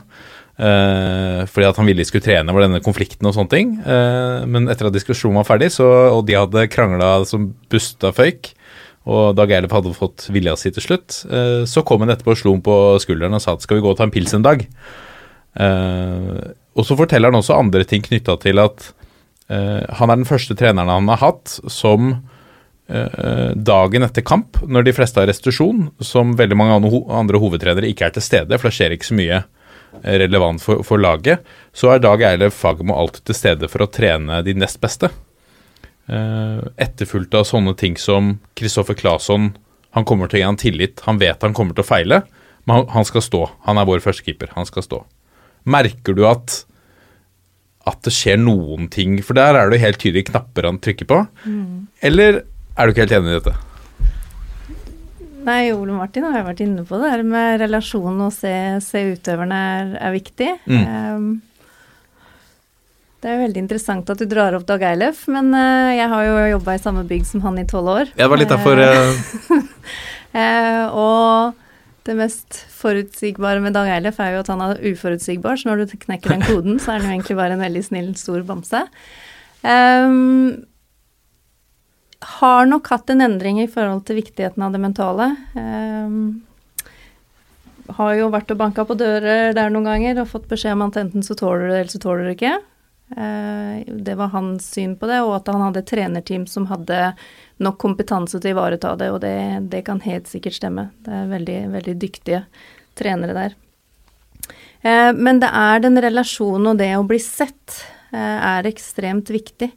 Eh, og det ser vi jo, og det er også inngangen som trenerne har til nettopp det mentale. Han som er mentaltrener i, i Bodø-Glimt sier jo det at eh, hvordan Knutsen ser på deg er helt avgjørende for den tilliten han som mentaltrener får hos utøverne, og så sier han også det at det er ikke for alle. Så, så det å bli sett og lagt merke til, det ønsker jo alle mennesker, uansett om du er en prestasjonskultur eller ikke. Eh, men jeg tror jo også det er en grunn til at typen som Jørgen Klopp har den um, har den, de prestasjonene han har med sin spillergruppe. Eh, der er det jo intervjuer du både ser og, og leser om hvordan han gir alle en rolle. At du er viktig selv om du er på benken, eller du er viktig selv om du liksom er signert på første, første året. Han takker jo alltid støtteapparatet sitt og kantine, eller de ernæringsfysiologene som jobber der. Um, så det er en, et menneskelig behov, uh, om vi snakker psykologisk, på, på det med, med oppmerksomhet, da. Og en form for anerkjennelse for din eksistens, på en måte. At du er her og du betyr noe. Og, det, og det, det der tror jeg er en grunn til at du nettopp egentlig bør ha eksterne folk i et eh, trenerteam. Om ikke eksterne, men at du bør ha egne folk i et trenerteam til å ivareta det. For at det er én ting som er umulig å komme utenom i fotball, altså i toppfotball, det er at relasjonen min til spilleren den blir prega hver lørdag ettermiddag når jeg har tatt ut et lag. Mm. Og, og det, når jeg har tatt ut laget, så sitter jeg med elleve spillere som liker meg veldig godt. Og så sitter jeg med sju spillere som uh, syns jeg er helt ok. Og så sitter jeg med fire-fem spillere som egentlig ikke har lyst til å se på meg. Det, altså det er utgangspunktet, med er litt svart-hvitt, da. Eh, men derfor så tror jeg også det er veldig gunstig at du har en egen person i et team som eh, kan ivareta dette, som kan være samtalepartner, som spillerne er trygge på. Som ikke har noe med laguttak og den, den type ting å gjøre. Det er et menneske som ikke vurderer det du gjør på banen. Det evaluerer ikke hvordan du var på treninga, hvordan du var i det innhoppet eller hvordan den kampen ble spilt. Den ser deg. Og det tror jeg er eh, det, Jeg tror det er veien å gå for de klubbene som er eh, helproffe og som har spillere som, eh, som skal prestere hele tida. Jeg hadde en Obos-spiller som ringte meg og sa hei, jeg vil gjerne jobbe med mentaltrener som ikke tar ut en startelver. eh, men så har jo NFF hatt, eh, hatt et tilbud om kursing i forhold til mental, nei, fotballtreneren som mentaltrener. Og jeg tenker intensjonen er god. At eh, det skal bli mer fokus på viktigheten av mental trening. Men nettopp det du sier, velger du en utøver som du vet kanskje går gjennom et samlivsbrudd, eller du vet har hatt utfordringer med dødsfall i familien, eller over tid har uttrykt til deg at eh, jeg føler litt Føler meg litt usikker, eller prestasjonsangst, da. At føler jeg har litt prestasjonsangst. Setter du den? Setter du den til å starte? Så jeg er kjempeflott at NFF har satt fokus på det, men vi må være litt realistisk, sånn som du nevner, og, og ha noen utenforstående, da. Dette er toppfotball. Det er noen uttrykk som går igjen og har gått igjen i fotballen i, i mange år. det er, eh, det er jo sånne ting som vinnerskaller. Eh, Er du god nok, så er du gammel nok. Og 24-timersutøvere. Når vi har hørt Ole Martin, når vi har hørt uh, Torstein fortelle, uh, f.eks., så blir jo et uttrykk som 'er du god nok, er du gammel nok'. Um, det, det er jo ikke alltid det stemmer. Nei, altså jeg, I og med at jeg fikk muligheten som hovedtrener da jeg var 19 år, så var jeg en del år ganske glad i det uttrykket der. Ja. At, at, det var noen som, at det var noen som kjøpte det. Uh, men eh, jeg tenker at den fødselsdatoen er egentlig ganske irrelevant. Det er litt som, eh, som både Torstein og Louise er innom, at eh, hvem er du som person, på en måte? Du, en, en 14-åring kan være veldig, veldig moden på en del områder, og han kan også være en niåring. Eh, Så, så alt dette her er veldig individuelt, så det er ikke nødvendigvis sånn at er du god nok, er du gammel nok, for den fødselsdatoen er en, egentlig en helt irrelevant del i det. Det handler om hvem du er og, og hvor du står, både selvfølgelig fotballutviklingsmessig, men ikke minst eh, menneske, da. Mm. Så har vi Vi har jo toucha litt innpå det. eh, Dette med 24-timers-utøveren. At man forventer eh, Torstein, du snakka en del om det. Nå er det kanskje enda Altså Forventningen er ikke bare fra treneren lenger, men du har folk som følger med på deg hele tida. På sosiale medier, blant medspillere, folk rundt. Hva slags liksom press Pålegger vi folk et, et ekstra press ved dette, og er det litt sånn Altså For noen hos deg, Ole Martin, eh, med all respekt, men noen av de tjener eh, har månedslønn som tilsvarer et par, altså to, tre, fire dagslønner i vanlig målestokk, men du forventer at de skal være på tå hev 24 timer? Nå er nok vi litt annerledes der, da. Det er jo, jeg tipper på Marbella i år, før koronaviruset, så var nok vi eneste klubben som sa til gutta at de kunne gå ut og ta seg en øl på onsdag når vi hadde kamp på lørdag. jeg tenker at eh, dette her får du ordne litt sjøl. For hvis de har lyst til å prestere på lørdag, så blir ikke det ti øl. Det blir to øl til Champions League-kampen, og så går de hjem. Mm. Og det skader ingen. Det uh, er i hvert fall vårt prinsipp, da. Um, så vi, og så er jo gutta våre er på jobb og skole, og vi er veldig opptatt av at uh, utdanninga er viktig. Den skal dere få lov til å fokusere på å gjøre. Senest i dag så hadde vi en spiller som var borte fra trening fordi at han uh, Eller i går, var det. uh, fordi at han, han hadde en viktig skoleoppgave. Og de gutta som er på jobb ved siden av, det er hovedinntekten. Det er familiefedre. De, vi kan ikke få det til å tvinge de til å droppe jobben sin og miste inntekt, og så går det utover dattera på seks måneder, på en måte. Det, så vi er nok litt annerledes der, da. Um, og, og gutta holder på med dette her på høyt nivå fordi at de syns det er gøy. Og da tenker jeg at de også må ha litt frihet. Uh, og så får de ta de valga der sjøl. Louise, du er jo eh, og det, eh, Du er ydmyk når jeg spurte deg om du var en av suksessfaktorene bak Christoffer Ayers karriere. Men, eh, men eh, hvordan kan vi måle denne effekten? Som arbeidet med liksom prestasjoner. Kan vi, kan vi se det liksom på okay, antall mål og assist og alle disse tinga som, som, eh, som fotballtrenerne er opptatt av, eller kan vi måle det på andre måter som kanskje er med på å legitimere det litt mer? En målestokk for meg er jo faktisk om de har det bra utafor banen. Mm. Jeg vet at det er Det høres liksom riktig ut å si det, men for meg så er det irrelevant om han i framtida signerer eh, for en klubb i de fem største ligaene hvis han er ulykkelig. Mm. Eh, ikke det at han har gitt noe uttrykk for det, da, men det sier jeg til utøverne mine. Og det, og det mener jeg genuint. da. Jeg er jo drevet av noe som heter alturistisk egoisme. Da, at jeg får en faglig tilfredsstillelse når jeg ser andre får til ting de ønsker, eller er i vater. Og det er et av spørsmålene jeg har til utøverne mine. Jeg har en utøver i Asia som har levd i en boble i 60 dager hvor ikke de har fått lov til å gå utafor et område, da, men liksom, er du i vater? Ikke sant? Er du i balanse? Og da er det ikke liksom åssen skårte du mål i, da? Det er jo ikke det det dreier seg om.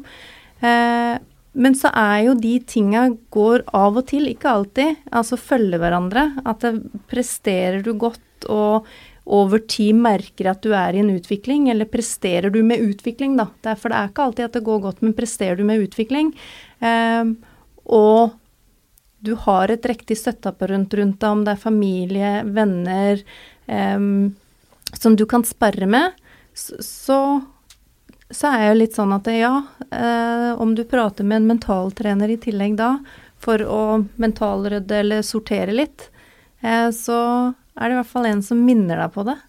Er, Mm. du, er du i vater?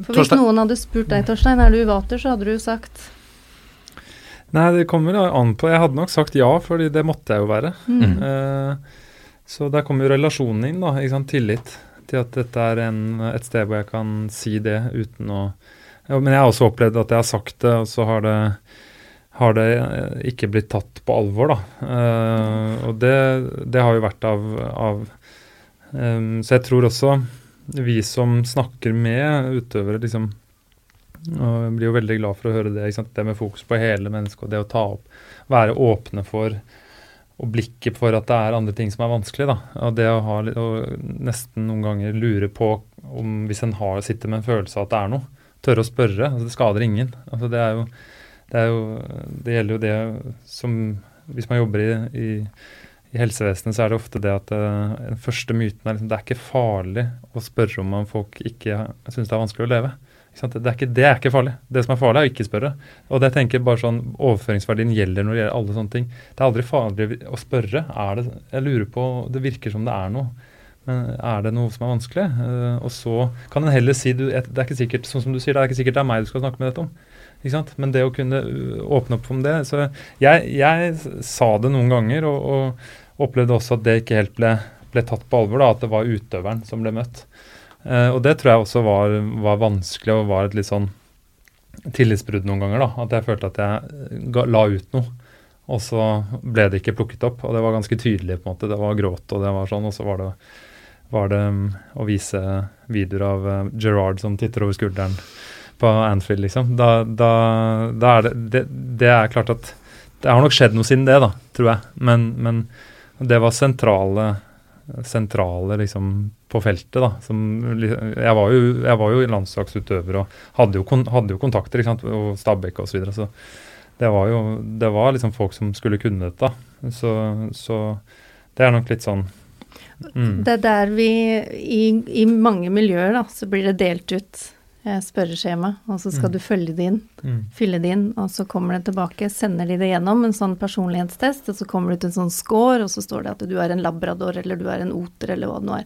Og så fortsett som du gjør. Mm. Og så sitter utøveren der da, og tenker ja, men jeg har jo enten jeg har jo høyere ambisjoner for meg sjøl enn å være her, eller så sitter utøveren noen ganger og tenker fortsett som jeg gjør, men hvorfor kjenner jeg på det sånn som jeg gjør nå, da? Så det her med hvordan vi må tørre, relasjoner tilbake til det Ole Martin sier, vi må tørre å ta den praten. Og da må det være et menneske til stede der, da, og det er derfor jeg har slå i bordet. Kom, få inn fagpersoner i klubber, synliggjør at det her er det en klubb som ivaretar den sida av spilleren nå, eh, og er eh, en ressurs for å kunne hjelpe til. Sånn at det satt på spissen, så kan du reise på kamp, og så kan du ha to ting. Jeg sier to apper oppe og gå. Det ene er kos deg, og det andre er løs arbeidsoppgavene mest hensiktsmessig. Vi, eh, Louise, du skal rekke tog, så vi skal sende av gårde. Torstein, eh, du blir med litt videre. Jeg kan sitte. Det er bra. Bra. Tusen takk for at du kom, eh, Louise. Å, tusen takk for at jeg fikk lov til å komme. Dette er toppfotball. Torstein, du er med oss litt lenger. Det er, eh, det er eh, nydelig. Ole Martin, jeg skal gi deg en liten eh, en challenge. da. Nå har du jo sittet her selvfølgelig og lært masse av disse ekspertene. Eh, Torstein Andersen også spiller spiss for, for Strømmen. Har skåra 25 mål på de siste 15 kampene. Eh, og nå kommer han til deg og sier at Ole Martin, eh, jeg syns ikke det er noe gøy lenger. Mm. Hva gjør du da?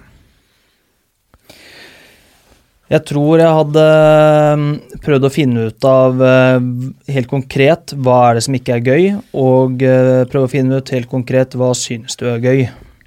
Uh, også hatt det som et utgangspunkt for videre prat. Uh, og, og, og det kan jo da være ting som ikke omhandler eh, fotball òg. Det, det kan jo være at du uh, syns akkurat nå så er bare det å spille fotball, det er ikke gøy, men det kan være ting utafor fotballen som er veldig gøy. Ok, kanskje du skal gjøre litt mer av det da i en periode. Trenger du to dager ekstra fri til å gjøre mer av det, og se om det kan påvirke gleden med fotball igjen. Og så hadde jeg nok prøvd å liksom sagt at, eh, at eh, dette her er ikke, noe, er ikke noe farlig, på en måte. Dette her, eh, Nå holder vi dialogen, og så løser vi dette her underveis. Eh, så finner vi ut av det sammen, på en måte. Jeg tror vel det er sånn um, umiddelbar respons, tenker jeg. Hvordan syns du, Hvordan syns du? Nei, jeg syns det var kjempefint.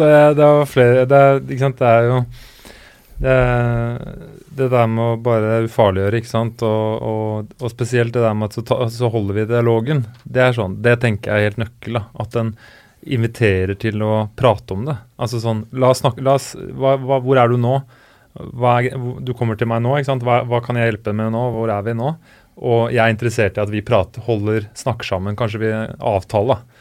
At uh, Det kan være litt ålreit også, liksom bare gjøre det litt forutsigbart. At uh, etter, nå er det liksom helg og sånn. og ja, Si det er etter match, da, så kommer etter match og har skåret tre kasser, da, som har skjedd. ikke sant? og så, så Det er jo ikke utenkelig. Eh, Nei da. Men Og så sitter du der etterpå, og så så, så nå, ja, nå er det neste trening på mandag, da. Ikke sant? Så, så sier han Kan ikke vi bare Jeg hører hva du sier, jeg tar det på alvor. La oss prate litt etter treninga på mandag. Vi setter an Jeg har tid etterpå, vi tar en kaffe, eh, og så um, prater vi litt om det. Høres det bra ut, liksom. Er, det, så det, jeg syns det er kjempefint, det der med å, å ikke tenke at en skal bare fikse det nå. Liksom. Jeg tror det er sånn veldig Jeg jeg vet ikke om det er en gutteting, men det der med at nå, når en sier noe, så må en fikse det. Altså Hvis noen kommer til meg på et problem, så tror jeg mange føler at oi, nå er det press på meg til å ordne dette. Ta det bort. Og Der tror jeg vi skal bare ta det helt lungt lugnt og si at det, det at vi snakker om det, er løsningen, på en måte. Fordi du, man kan ikke ta bort ikke gøy. Du kan ikke ta bort motivasjonstapet, du kan, men du kan være der og høre på det og si at eh, jeg er interessert i å snakke med deg om hvordan vi kan løse dette, og, og, og da møter du en person da, som er interessert og som er villig til å sette av tid til det. Og, så, og det tror jeg Så det er liksom den der, og gjerne det med avtaletid, det tror jeg er veldig ålreit for mange. Og si sånn, ok, nå er det litt sånn, nå koker det her, ikke sant? rett etter match kanskje. Du, akkurat nå så skjer det mye, og jeg kan ikke, det kan også skje, tenker jeg. Ikke? Brått så kommer det bort. Og så er du, koker det etter, før match, et eller annet. Eh, før match er jo veldig spesielt, da, hvis du da sier 'jeg vil ikke spille'. Ikke sant? Den kan jo være sykt vanskelig. Eh, da, da ville jeg tenkt ok, jeg skjønner, da, da tenker jeg, da blir jeg sånn ok, da bare, Hvis du ikke vil spille, da spiller du ikke. Da sier vi ikke noe på det.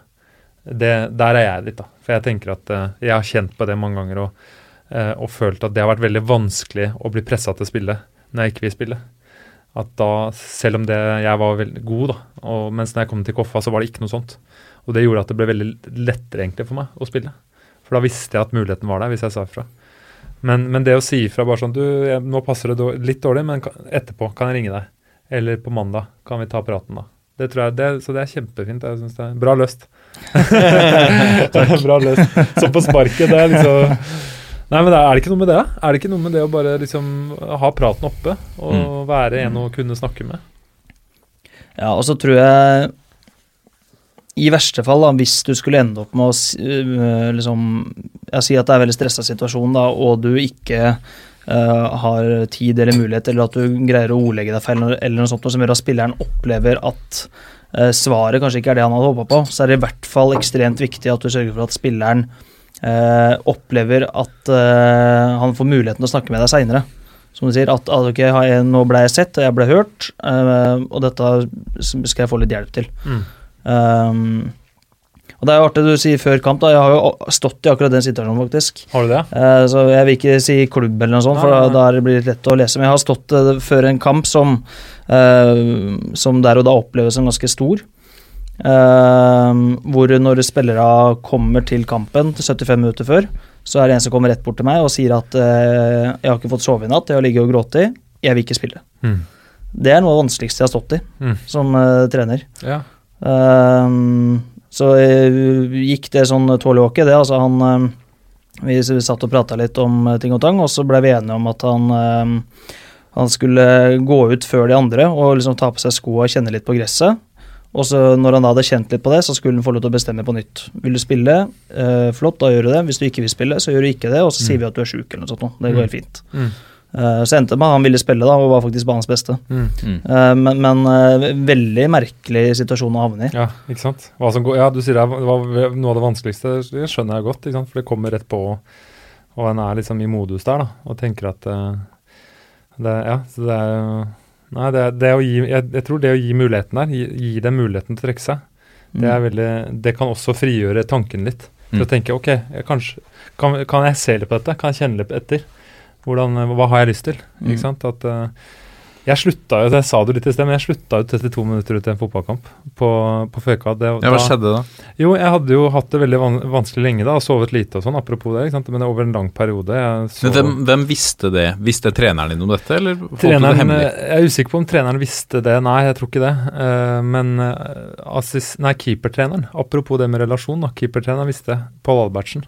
Vet ikke om dere kjenner til det navnet. Mhm. uh, han, han, var, han var en litt sånn brautende, tydelig kar, men også den Han var, han var der, da. Han, hvis du satte deg én til én med han, så var han veldig fin, og vi hadde en liksom god kontakt. Og så, men det som skjedde, da, var at jeg skulle spille cupkamp. Jeg øh, spilte jo fast da, eh, de siste matchene og hadde skåret og en del av mot Rosenborg vant 4-1 og sånn. Vi, var jo- vi rykka jo ned til slutt, da, men uh, den, den sesongen. Men så eh, så sovet lite og var helt fryktelig før hver match. Altså det var, det var et eh, mareritt hver gang.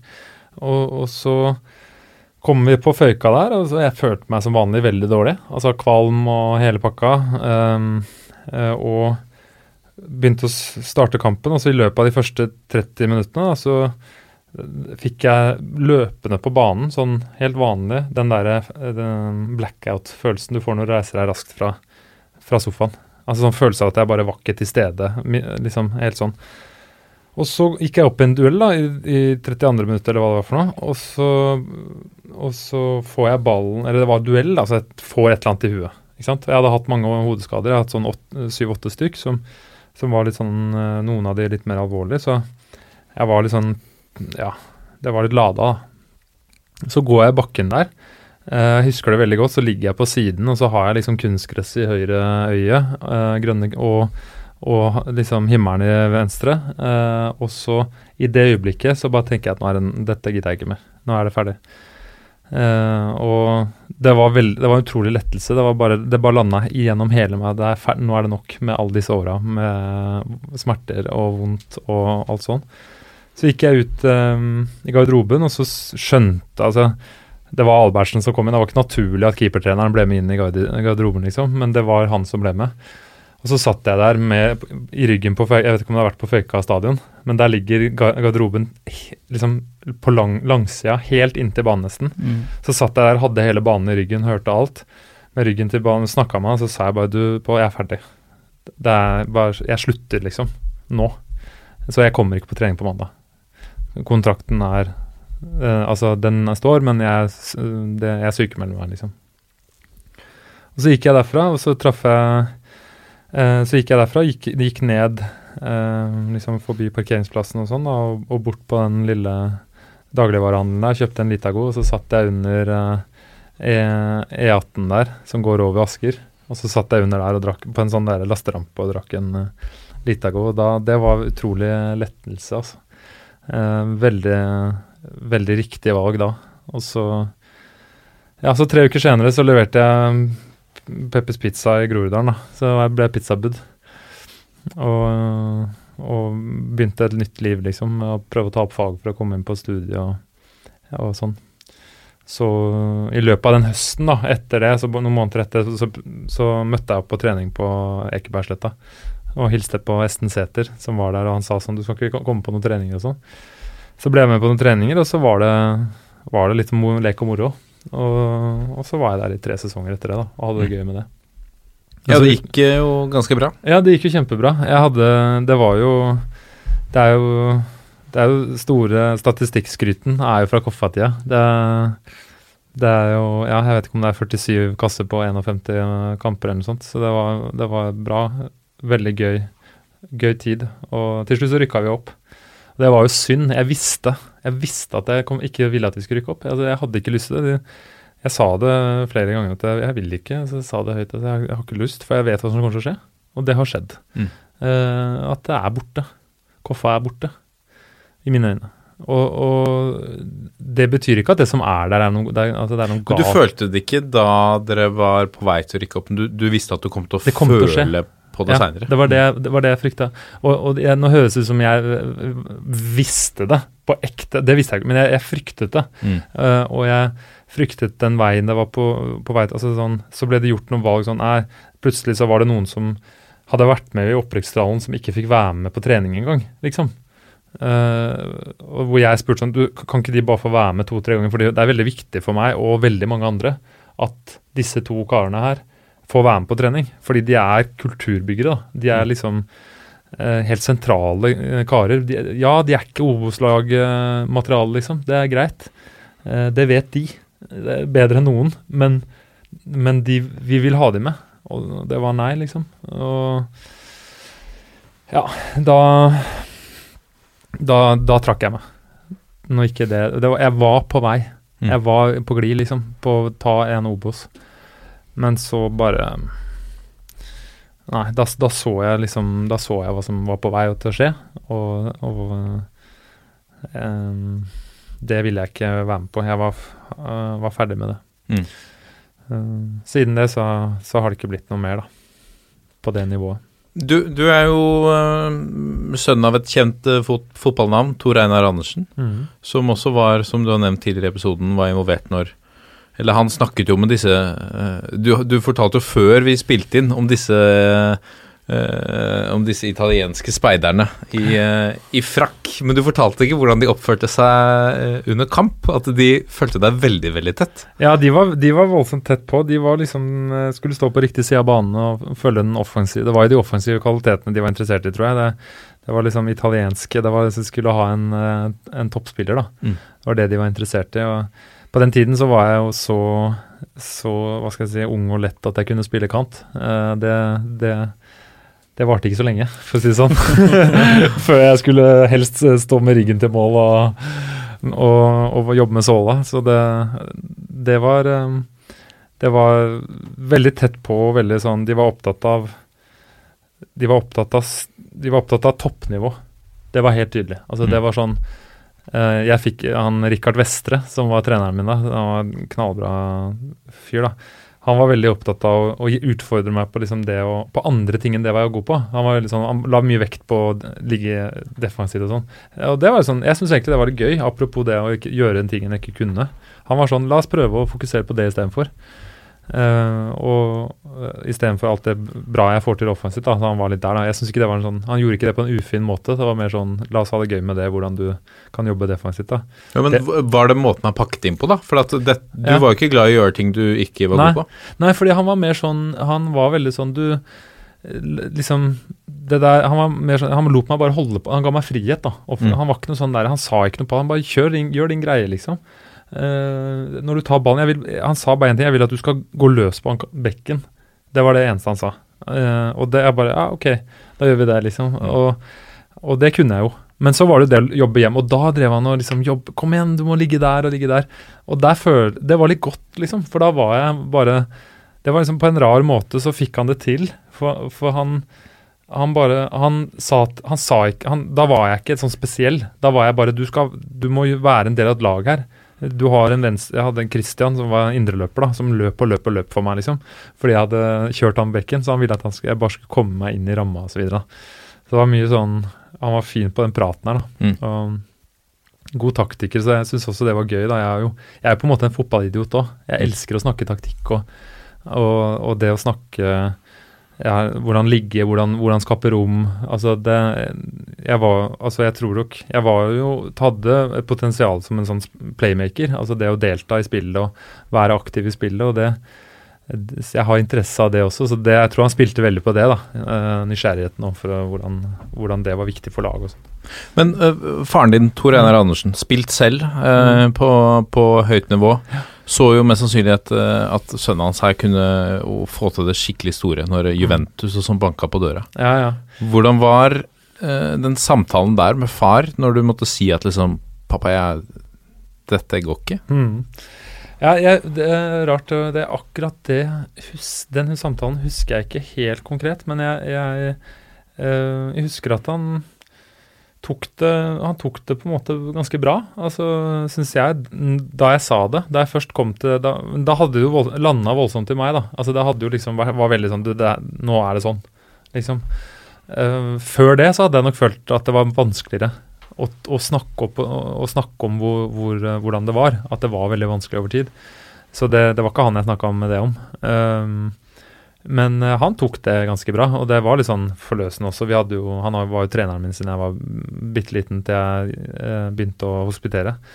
Uh, så vi hadde jo vært veldig tett på hverandre, og det, det var godt å bare en, på en måte bare legge det bak seg. Men vi er jo vi er nok litt også Vi ser på ting litt forskjellig, sånn som det er naturlig at far og sønn gjør, tror jeg. Altså, vi, vi har Jeg har min erfaring med det, han har sin. Han, han var proff på en annen tid, ikke sant. Hvor eh, det ikke var disse pengene, det var ikke det fokus, det var, det var annerledes, da. Mm. Uh, nå er det Ja, jeg tror um, Jeg tror det var uh, det var nok Han så for seg enorme muligheter, da. Og eh, mestring og opplevelse for min del. Og det har jeg hatt også. Ville ja, være med på tippeligagull uh, og NM-sølv og spille Champions League og masse sånne ting som er gøy, da. Så det har vært mye ut av det, men eh, sum, summen av det var eh, soleklart at det, det var nok. Du, du øh, har jo flere ganger vært innom at du, øh, du over tid så hadde du ikke bra, og den der fysiske delen med mageknip og sånt noe inn mot kamper. Mm. Men når jeg liksom har hatt caser hvor det kan bli litt sånn da, at frykten eller prestasjonsangsten eller hva du kaller det, gir deg på en måte fysiske plager òg. Og så blir egentlig det største problemet blir angsten for angsten. Mm. Hadde du noen opplevelser rundt det? Ja, veldig, veldig. Altså, det, det begynte Når matchen var lørdag, så begynte det mandag morgen Mm. om neste kamp. Uh, det er det som gjør at du mister søvnen. Mm. Når du, altså, jeg tror, Apropos det vi startet Før vi skulle her, så satt jo, alle, så satt jo i hvert fall vi to og sa liksom vi er litt klamme i hendene og eh, kjenner på litt eh, at vi skal prate og sånn. ikke sant? Og så lander det jo. Jeg tror at det er helt naturlig. altså Mm. Jeg, tror, jeg har aldri, selv når jeg spilte i Koffa eller bare spilt, så har jeg aldri ikke vært spent før en kamp. Hvor jeg har kjent sånn «Øh, det er liksom, Dette betyr jo noe. Det er jo helt, det sier, forteller oss jo bare at vi bryr oss. Men det er nettopp det du sier, da. At når den drar seg ut, når det ikke er til matchmat og til kamp, eller ikke er fra morgenen av, av, av kampdag, eller kanskje da, kvelden før, da, men det blir hver dag, Mm. ikke sant? Eh, da tenker jeg at da er det et problem, altså. Da, da trengs det eh, støtte og hjelp til å, å, å ta et steg tilbake og si ok, nå er vi ikke et godt sted. Vi er bekymra Eller da ville jeg tenkt, hvis jeg hadde fått vite det, at da er jeg bekymra for eh, hvordan det går. eh, hvis vi er der at, eh, at det virker forknytt mye av tiden. Mm. Eh, og, og ja, det tror jeg Skru klokka tilbake fem år. Eh, altså En hel nasjon skriker etter at Martin Ødegaard skal spille for Norge, etter å ha herja for godset i Eliteserien. 15 år gammel. Du er en av de få som går ut og sier at det er en veldig dårlig idé. Ja, stemmer det. Det sa jeg. Mm. Eh, ja, det, det står jeg for 100 altså. Det, det mener jeg var Det er jo altså, fem, Han er 15 år, liksom. Det, det, han, var jo en, han er jo en fantastisk spiller. Altså, og en, han virker Jeg kjenner han ikke, da, men han virker sånn virker veldig sånn og fin fyr, da. Og nedpå og sånn.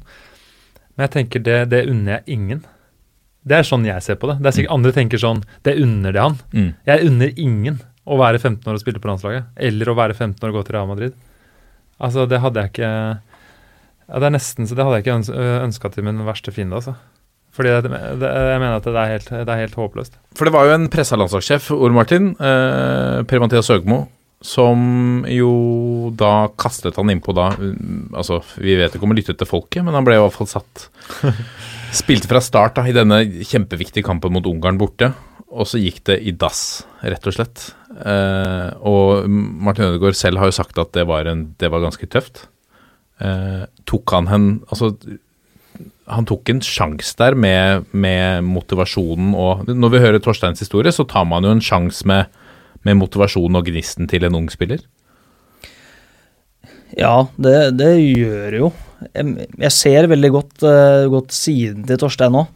Ehm, og så er det Nå er jo ikke jeg helt uh, objektiv, for jeg kjenner jo Per-Mathias ganske godt. Men jeg, jeg hadde vært mer bekymra hvis det hadde vært en annen trener som skulle tatt den avgjørelsen. For Per-Mathias er jo en av de som kanskje er mest opptatt av det menneskelige perspektivet. Som hadde en del samtaler med og sånt noe, helt sikkert i forkant. Men så er det som Torstad sier, da, det er uansett en 15-åring. Så hvor dypt inn i han kommer og likevel gjennom en sånn samtale. Og han 15-åringen vil jeg tro sikkert har lyst til å spille for landslaget, eller som tenker at det det er jo kult. Ehm, så det er ikke noe tvil om at det der kunne jo helt sikkert gått veldig, veldig gærent. Mm. Og så tror jeg jo, hvis han ikke hadde spilt i kampa, så hadde han nok ikke vært noe dårligere fotballspiller nå heller. Eh, så så Mm. det gikk jo heldigvis bra. Men det kan godt hende at det der er et eh, sjansespill, ja, absolutt. Um, men det er jo, som klubbtrener òg, så er det jo litt sånn at eh, Eller nå, jeg skal ikke si klubbtrener, nå snakker jeg for meg, da, og på ingen måte på vegne av alle.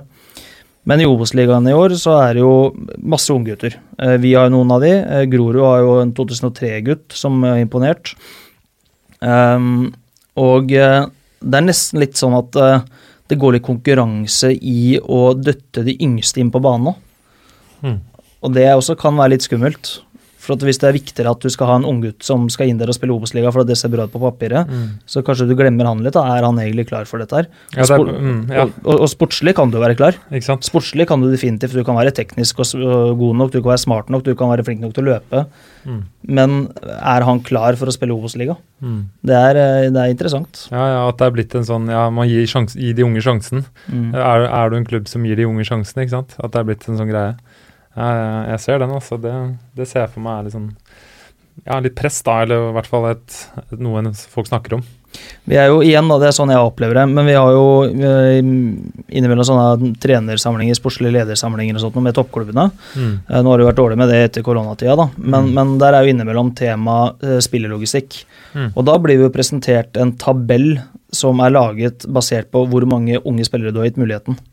Og da, og der er det litt sånn, hvis du ligger i bunnen der, så det blir litt sånn Ja, det, de ligger i bunnen, ja. Akkurat, ja. Og det er, Det er jo det, litt man, interessant. men det er jo det man snakker om. Gi de unge spillerne muligheten. Vi snakker jo om det i dette studio, vanligvis som utelukkende positivt. Ja, det er bra klubb. Der får de unge sjansen. Mm. Og da blir det jo et press om å, Ja, ja. om å slippe det til. Nei, jeg, jeg sa, sa vel litt om det i den korte pausen her, så sa jeg noe om at det, det, det er ikke noe Det er ikke noe nødvendig Altså, jeg tenker det er ikke noe Min mening er at det er ikke et uh, noe nødvendig å kaste innpå eller gi en 16-17-åring en, mulighet. Uh, det er ikke nødvendig for deres toppnivå, liksom. At, at de akkurat når de er 16 eller 17, får akkurat den muligheten til å Altså, det er, det er, det er blitt sånn da at jeg blir mer opptatt av å, at, best, at skal, vi skal klare å holde det i idretten, enn at de skal bli best mulig i idretten sin. Altså det Vi er der. Fordi du, sant, du mister talenter. Én ting er meg, da, men, men jeg tenker på mitt landslag fra G16, G17, hvor mange som er igjen, jeg vet ikke hvor mange som er igjen, om det er tre, fire, altså vi er på det nivået. Klassespillere, liksom, som uh, ikke gidder. Jeg, så, så det er um, Det er ikke Det verste jeg hører, er hvis man sier nei, jeg hadde det ikke. Jeg hadde ikke det som skulle til. Da, da, da ser man ikke lenger enn nesa si, altså, tenker jeg. Hvis, vi, hvis du Ja, altså, jeg erkjenner jo det at det var noe i meg òg, altså, for all del. Altså, det var det en annen ville kunne fortsatt, kanskje. ikke sant?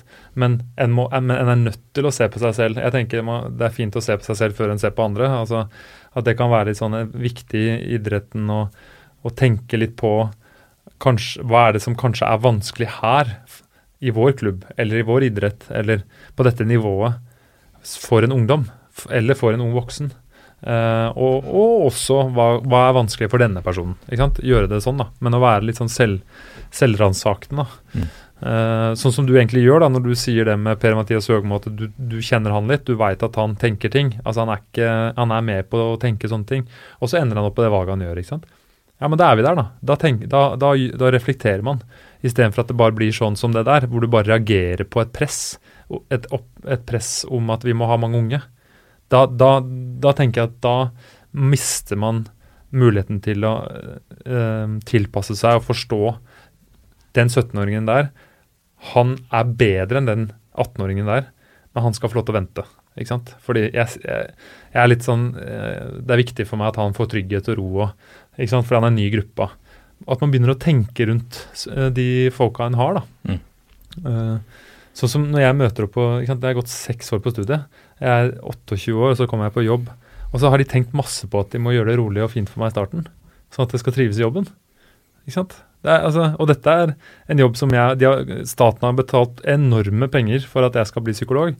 Og så likevel, når jeg kommer ut i jobb, så har de tenkt at du, eh, du er, de, er, de, er, de er veldig der, da. Hvordan kan vi holde deg i dette? Hvordan kan vi hjelpe deg til at du skal bli, lande i jobben, eh, trives med det? ikke sant? Det er jo bedriftshelsetjeneste på en måte, på sitt beste. Og der, eh, der tenker jeg der er, det er et poeng også for idretten. da. Å gi liksom, Hvordan kan vi lande deg inn i tropp, troppen her, gi deg tid, få i gang kroppen. bare sånn, Jeg var, jeg var så mye skada at jeg skulle hatt et år på å tilpasse meg bare treningsmengde. Mm. Altså sånn, Eller to. Hvis jeg hadde brukt, jeg var skada hele karrieren. Eh, av og på. Og, Rakk å putte 47 på 51. Ja, så, men uh, det var jo Jeg kunne antageligvis møtt opp på det dobbelte, ikke sant. Ja. Eh, Og det var mye fordi jeg i Koffa så stakk, sa jeg jo fra to dager før uh, om at jeg dro på hytta, liksom. Så det var litt sånn òg. Det var dealen. Ser du noen liksom Når jeg hører f.eks. Erling Braut Haaland blir intervjua, så er det vanskelig å De blir jo medietrent eh, opp i mente, alle disse spillerne. Men hvor han eh, blir spurt om eh, liksom den abnorme mengden skåringen han har, og han svarer at nei, jeg tenker ikke at det er bra. Jeg tenker at det burde vært mye mer. Ja. Hvor mye av liksom Er du Opplever du å se intervjuer med noen spillere, eller opplever noen spillere hvor du, hvor du ser noen røde flagg? Hm, det er et veldig interessant spørsmål. Hvor lett er det liksom å spotte det? Åh, det er vanskelig, vet du. Mm. Det er derfor sånn som De som er tett innpå, da. Det er de som må se det. Eller, eller kan se det. Eh, ikke må, eh, men kan. Um, så Nei, det er veldig godt. Jeg har ikke tenkt over, det, over akkurat det før. Um, um, så jeg kan, jeg kan heller få med sånn røde flagg basert på at jeg Sånn som med Martin, da. Alder. Inn i en viktig kamp mot ung, ikke sant, osv. Av at jeg tolker noe inn, legger noe inn i det jeg hører og ser, mer enn at jeg ser et blikk, liksom. Mm. At jeg ser i blikket at nei, det er ikke, det er ikke helt sånn, tenker jeg. Men mer sånn at jeg, jeg lurer på om dette her er for mye. Det kan jeg få uh, med sånn som han, eller um, Han Breit Haaland virker jo på en måte som han kjører sin greie og, og, i media og sånn, og det tror jeg sikkert gir han frihet også, til at han bare snakker til reporterne som han vil og er, er seg selv. Mm. Så det, det, det vil jo Det er bare han og de nærmeste som vet hvordan det går med han og, og andre. Så det, det er vanskelig å se det. Det, det er absolutt. Og det kan jo være vanskelig for de som er tettest på. Ja, Og det er jo I hvert fall når du sier at det tok litt tid før du sa det til faren din. Absolutt. Mm. absolutt. Men jeg tror som trener, altså Jeg, jeg var i 2012 så var jeg på sånn seminar med Marit Breivik, i som minneseminar for Knut Torbjørn Eggen. Og hun eh, sa at hun hadde bevisst brukt det tilstedeværelse på trening og i kamp, eh, og liksom brukt det for å se om det kan være et eller annet.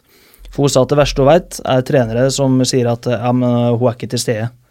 Da må du som trener gå inn, sier hun da, gå inn og finne ut ok, men hvor er hun hen, da? Mm. For at Spillere som altså At du kan ha en dårlig dag og sånn, det kan skje, men hvis du økt to, økt tre på rad ikke er til stede, så kan det være kanskje det beste signalet på at ok, her kan det ligge et eller annet. Men det er veldig mange som da bare avfeier og uh, sier at du får ikke spille til deg, for du har ikke vært til stede på trening. Mm. Og det er litt, uh, kan være litt skummelt. Vi må runde av. Uh, mine herrer, tusen hjertelig takk for at du kom, Torstein. Takk for at jeg fikk komme. Mm. Og takk til deg for at du kom, Ole Martin. Jo, takk for at jeg fikk komme i dag. Det var veldig, veldig lærerikt og interessant. Ja, det var Vi er Toppfotball på Facebook, Twitter og Instagram. Gå gjerne inn på eh, iTunes også. Legg ned en rating. Eh, still noen spørsmål på mail. Toppfotball at 451.no. Og følg med på Podme. Der kommer det en egen episode med en preview til neste eliteserierunde. Så må vi avslutte på 1, 2, 3. Vi er en gjeng. Ha det.